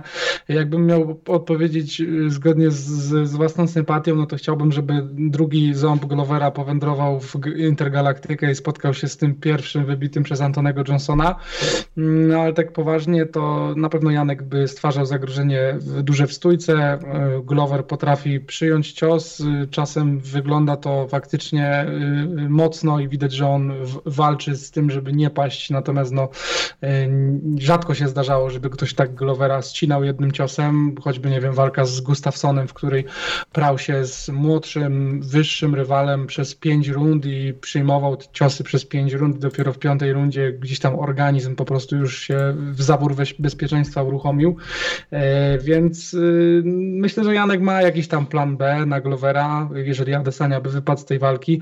W ogóle, mm, szczerze mówiąc, kuriozalnym dla mnie jest taka sytuacja, że co, jeżeli Janek by sobie z, coś zrobił e, jako mistrz, to co, pozbawiliby go Nie, nie, nie, pasa to i... Po prostu Glover wchodzi do main eventu z. Okej, i co- walczą po prostu Tak, w 205 tak. dni o pas. No rozumiem. No, w każdym razie yy, nie wiem, czy to dobrze, czy źle, że taki zawodnik rezerwowy jest, ale gdyby tfu, tfu coś się stało Adesani, no to Janek jest faworytem na pewno wtedy większym niż w walce z Adesanią. Ale no nie, nie skreślałbym e, Glovera i pokusiłbym się o to, że nawet ta walka mogłaby potrwać na pełnym dystansie, bo jak Glover by przetrwał pierwsze bomby Janka i gdzieś tam udałoby mu się e, wrócić na nogi, to być może już by się drugi raz nie dał tak mocno trafić, a e, obydwaj prezentują, wydaje mi się, podobny poziom w parterze, e, więc też ciężko byłoby i Jankowi poddać Glovera, i Gloverowi poddać Janka, i znokautować Gloverowi Janka, także myślę, że raczej wtedy Janek na dystansie, ale, ale no nie byłby to spacerek i na pewno Glover Teixeira, dla którego taka walka potencjalnie mogłaby być ostatnią w życiu szansą na, na pas. Sądzę, że tutaj no, przygotowuje się na 250% y, również do tej walki, która prawdopodobnie się nie odbędzie w jego przypadku. No tak, no tak, także mamy backup, y, jak się nie daj Boże tak okaże, że Glover wchodzi, no to mamy, y, wycinamy fragment i wrzucamy dogrywkę UFC 259. Dobrze, na koniec pytania z czatu, na razie tutaj nic nie widzę i będziemy kończyć. Jedno się rzuciło mi w oczy, no niezwiązane akurat z UFC 259, no to taka torpeda pytań od Daniela Skibińskiego i co dalej z Danielem Skibińskim, bo podobno kontrakt jest podpisany i gdzie go zobaczymy. No więc jakby lecąc teraz polecimy od drugiej strony. Jacek, jak myślisz, e, gdzie zobaczymy Daniela Skibińskiego? No bo podobno już jest e, kontrakt e, podpisany, tak? Gdzieś, tak przeczytałem na czacie, nie pamiętam, czy to tak faktycznie już gdzieś było przez Daniela ogłoszone. No, Gdybym ja miał mm, wytypować to, to, to ja bym wytypował, że jednak e, doszło do jakiejś ugody e, z Tomkiem Babilońskim i, ten topór wojenny został zakopany. Daniel dostał dobry kontrakt, obietnicę jakiegoś mocnego rywala, który będzie w stanie go mocno pchnąć do przodu. Więc e, moja ocena sytuacji jest taka, że Skiba wraca do Babilonu, żeby pobić się tam w obronie pasa z kimś troszkę mocniejszym niż Kirill Medvedowski. No ale zobaczymy. Myślę, że tutaj e, czy, czy, czy to się spełni, czy, się, czy będzie inaczej, to będziemy zadowoleni, bo ja osobiście chętnie Daniela już bym zobaczył gdzieś indziej, ale jakbym tak miał czystym głosem rozsądku tą sytuację jakoś telepatycznie rozwiązać, no to stawiałbym na takie rozwiązanie. Grzegorz. A, no myślę, że powiedziałbym KSW, ale wiem, że to przeczy mocno planom Daniela z dojściem do UFC, no bo tam nie dostał kontraktu na jedną czy dwie walki, tylko na cztery co najmniej pewnie. I raczej nie sądzę, żeby to było KSW, chociaż ja bym go tam osobiście widział, bo myślę, że nie miałby aż tak łatwo, żeby zdobyć tam pas i kilka ciekawych walk by się tam na pewno z jego udziałem odbyło, chociażby te wyczekiwane starcie z Andrzejem Grzebykiem, którą mówmy się nadal jest atrakcyjna mimo tej pseudo porażki Andrzeja ostatnio. E, Więc nie wiem, czy nie wceluję w Fen po prostu, no bo jednak ta droga do UFC z Fenu powiedzmy nie jest blokowana i może taka e, walka z Robertem Bryczkiem o pas myślę, że byłaby dość ciekawa. O, też dobre, też dobre, też dobre. Też, też by mi się taka walka podobała. No właśnie i myślę, że byłby faworytem Skiba w tej walce akurat. E, także myślę, że może to być fan. Wcale bym takiej możliwości nie wykluczał. Paweł już jak chyba tam zapowiadał niedawno jakieś bomby transferowe, więc kto wie, czy to nie jest właśnie Daniel Skibiński, a myślę, że to byłby naprawdę strzał w dziesiątkę dla fanu, żeby takiego zawodnika pozyskać. Oj, te bomby transferowe to No, z drugiej strony rzeki niestety chyba. Grzegorzu, ale... Ale cóż, no cóż, yy, Michał, gdzie ty, bo to zawsze my, my jakby z Michałem zawsze prób, jakby próbujemy mówić o tym, co nam się wydaje, jakby byśmy chcieli, a co przepowiadanie przyszłości to jest druga sprawa. I teraz Michał chciałbym, żebyś na tym drugim się skupił, czyli nie gdzie ty chciałbyś zobaczyć Daniela, tylko gdzie, jak myślisz, gdzie... Ale, to się- ale ja słyszałem plotkę, także nie wiem, czy mogę tą Aha, plotkę wiedzieć. Bo ale tak słyszałem to plotka, plotka, tak nie wierzyłem troszkę, ale łącząc sobie pewne fakty, to ta plotka może okazać się prawdą tak naprawdę. Słuchaj, decyzja należy do ciebie, no. No dobra, to powiem. Yy, Cage Warriors. Bo Cage Warriors ma robić te kilka gal tam w ciągu chyba trzy gale, czy dzień po dniu, coś takiego ma być miejsce, gdzieś tam coś słyszałem, nie do końca też sprawdzałem. 18, 19, 20 marca. Tak. Y, I, po, I patrząc na to jeszcze, że Daniel jest pod Pawłem Kowalikiem, a Paweł zawsze dobrze mówił Cage Warriors i zawsze mówi, że ma dobre kontakty w Cage Warriors, no to łącząc jedno z drugim, dlaczego nie Cage Warriors? Tym bardziej, że będzie walczył Sylwek Miller, też drugi Polak w, w Cage Warriors, dlaczego nie? Dlaczego to nie jest właśnie Cage Warriors? No i jeszcze dwóch braci e, Figlak. Figlaków, no i są z wysp, no ale Polacy. No tak, ale ja mówię tutaj o, wiesz, o to Polakach, którzy tutaj rzeczywiście, którzy mieszkają w Polsce, którzy mają tam, no to o tych, właśnie o Danielu pomyślałem, że może to być właśnie to Cage Warriors, bo gdzieś tam słyszałem taką plotkę. O jeszcze jednym zawodniku słyszałem plotkę, że Cage Warriors walczyć, ale to... Ja myślę, że, bo do, dowiedzieliśmy się, że do, napisał Patryk Kaczmarczyk na swoich social mediach, że w tym tygodniu dowiemy się, co z jego przyszłością. E, No, ja coś tam, żeby to źle nie zabrzmiało, bo nie mogę za dużo powiedzieć, ale nie widziałem nic, co by zdradziło organizację, broń Boże. Natomiast e, po prostu Patryk e, Kaczmarczyk miał robione zdjęcia przez fotografa. E, No, a wiemy, że jest dużo organizacji, które się same tym zajmują, więc jakby Patryk zajmował się tym sam, natomiast to mogły być zdjęcia dla sponsora, więc też może to nie mieć związku, e, no ale też bym strzelał w to Cage Po prostu wierzę w głęboko w jakiś zaciąg chyba, bo jeśli e, jakieś loty są umożliwione, ten ruch lotniczy, a e, teraz jest Sylwek Miller, Miller w ogóle walczy o pas, to jest ogóle hit, e, naprawdę mega, no w szoku. Wiedziałem o, tej, o tą informację miałem, ale nie wiedziałem, że, że o pas, także niesamowita sprawa, wiadomo, że no idzie jakby, pewnie Cage Warriors ma w głowie e, ułożone to, jak to będzie wyglądało i że widzą 10-0 już o Cartwrighta, nie pamiętam jak ten zawodnik nazywał, przepraszam, e, nie śledzę tej organizacji aż tak bardzo, e, no to może to być, i to może się okazać, że zobaczymy zaraz tam mnóstwo zawodników. Ja bym e, dołożył do tego jeszcze ACA, chociaż w przypadku Daniela Skibińskiego była o nim mowa, no ale wiemy, że to tam się trochę może pozmieniać i że te ACA nie będzie w Polsce, więc już nie wiem, czy będą wtedy Polacy atrakcyjni dla ACA tak bardzo. Także tak, to Cage Warriors pasuje bardziej. Filip?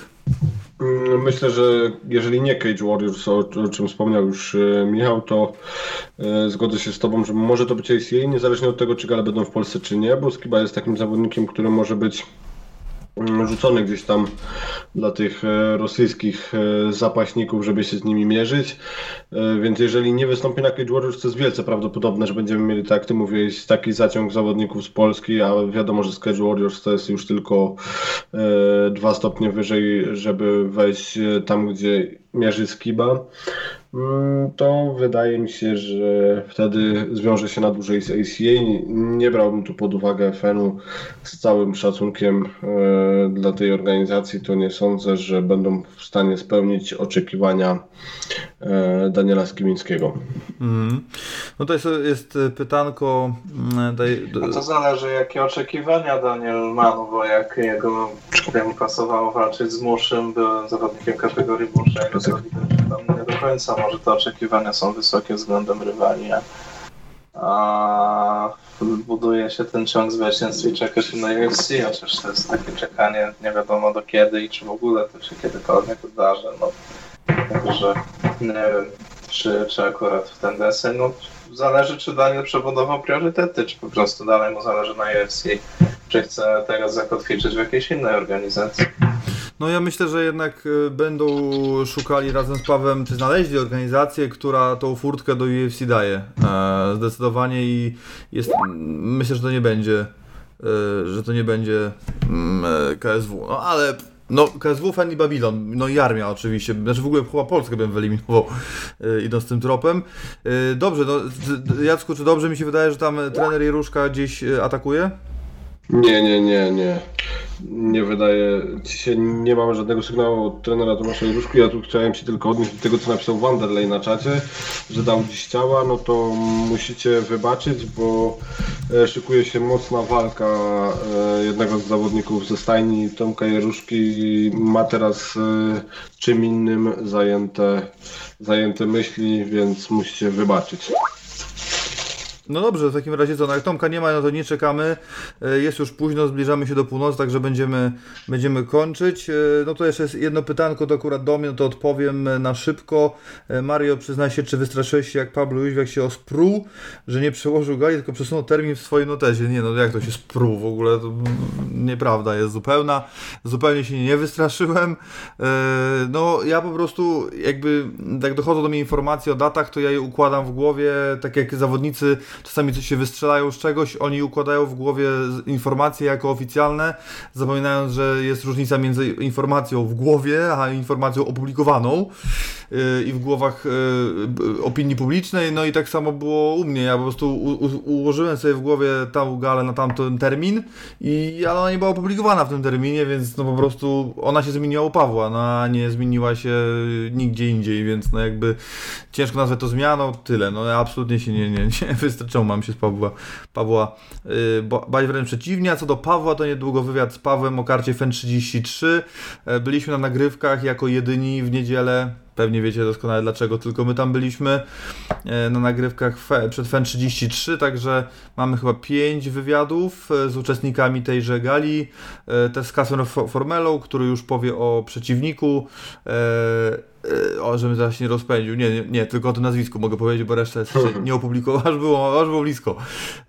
E, Ale tak, no z Pawłem Jóźwiakiem przede wszystkim. No i no, i- Shota żeśmy wypróbowali na YouTubie o tym, mm, na temat tego, że Marcin Wójcik nie wystąpi na tej gali, tylko będzie walczył w maju. No i w domyśle z Łazarzem, z Marcinem Łazarzem o pas.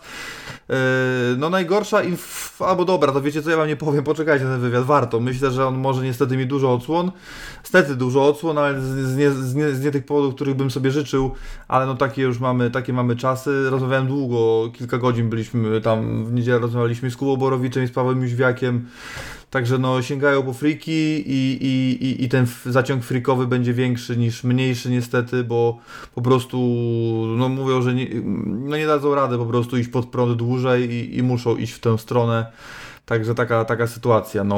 Także, yy, no i to tak zostawię, resztę zostawię, zostawiam na wywiad.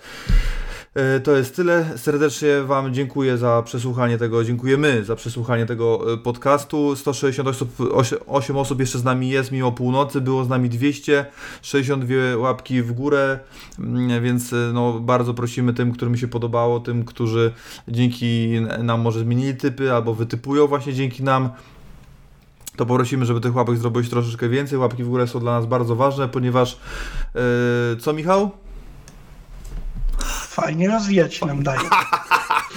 Zrobiłem pułapkę pytanie, właśnie wiedziałem, że No będzie tak, chwila. ci, no nie.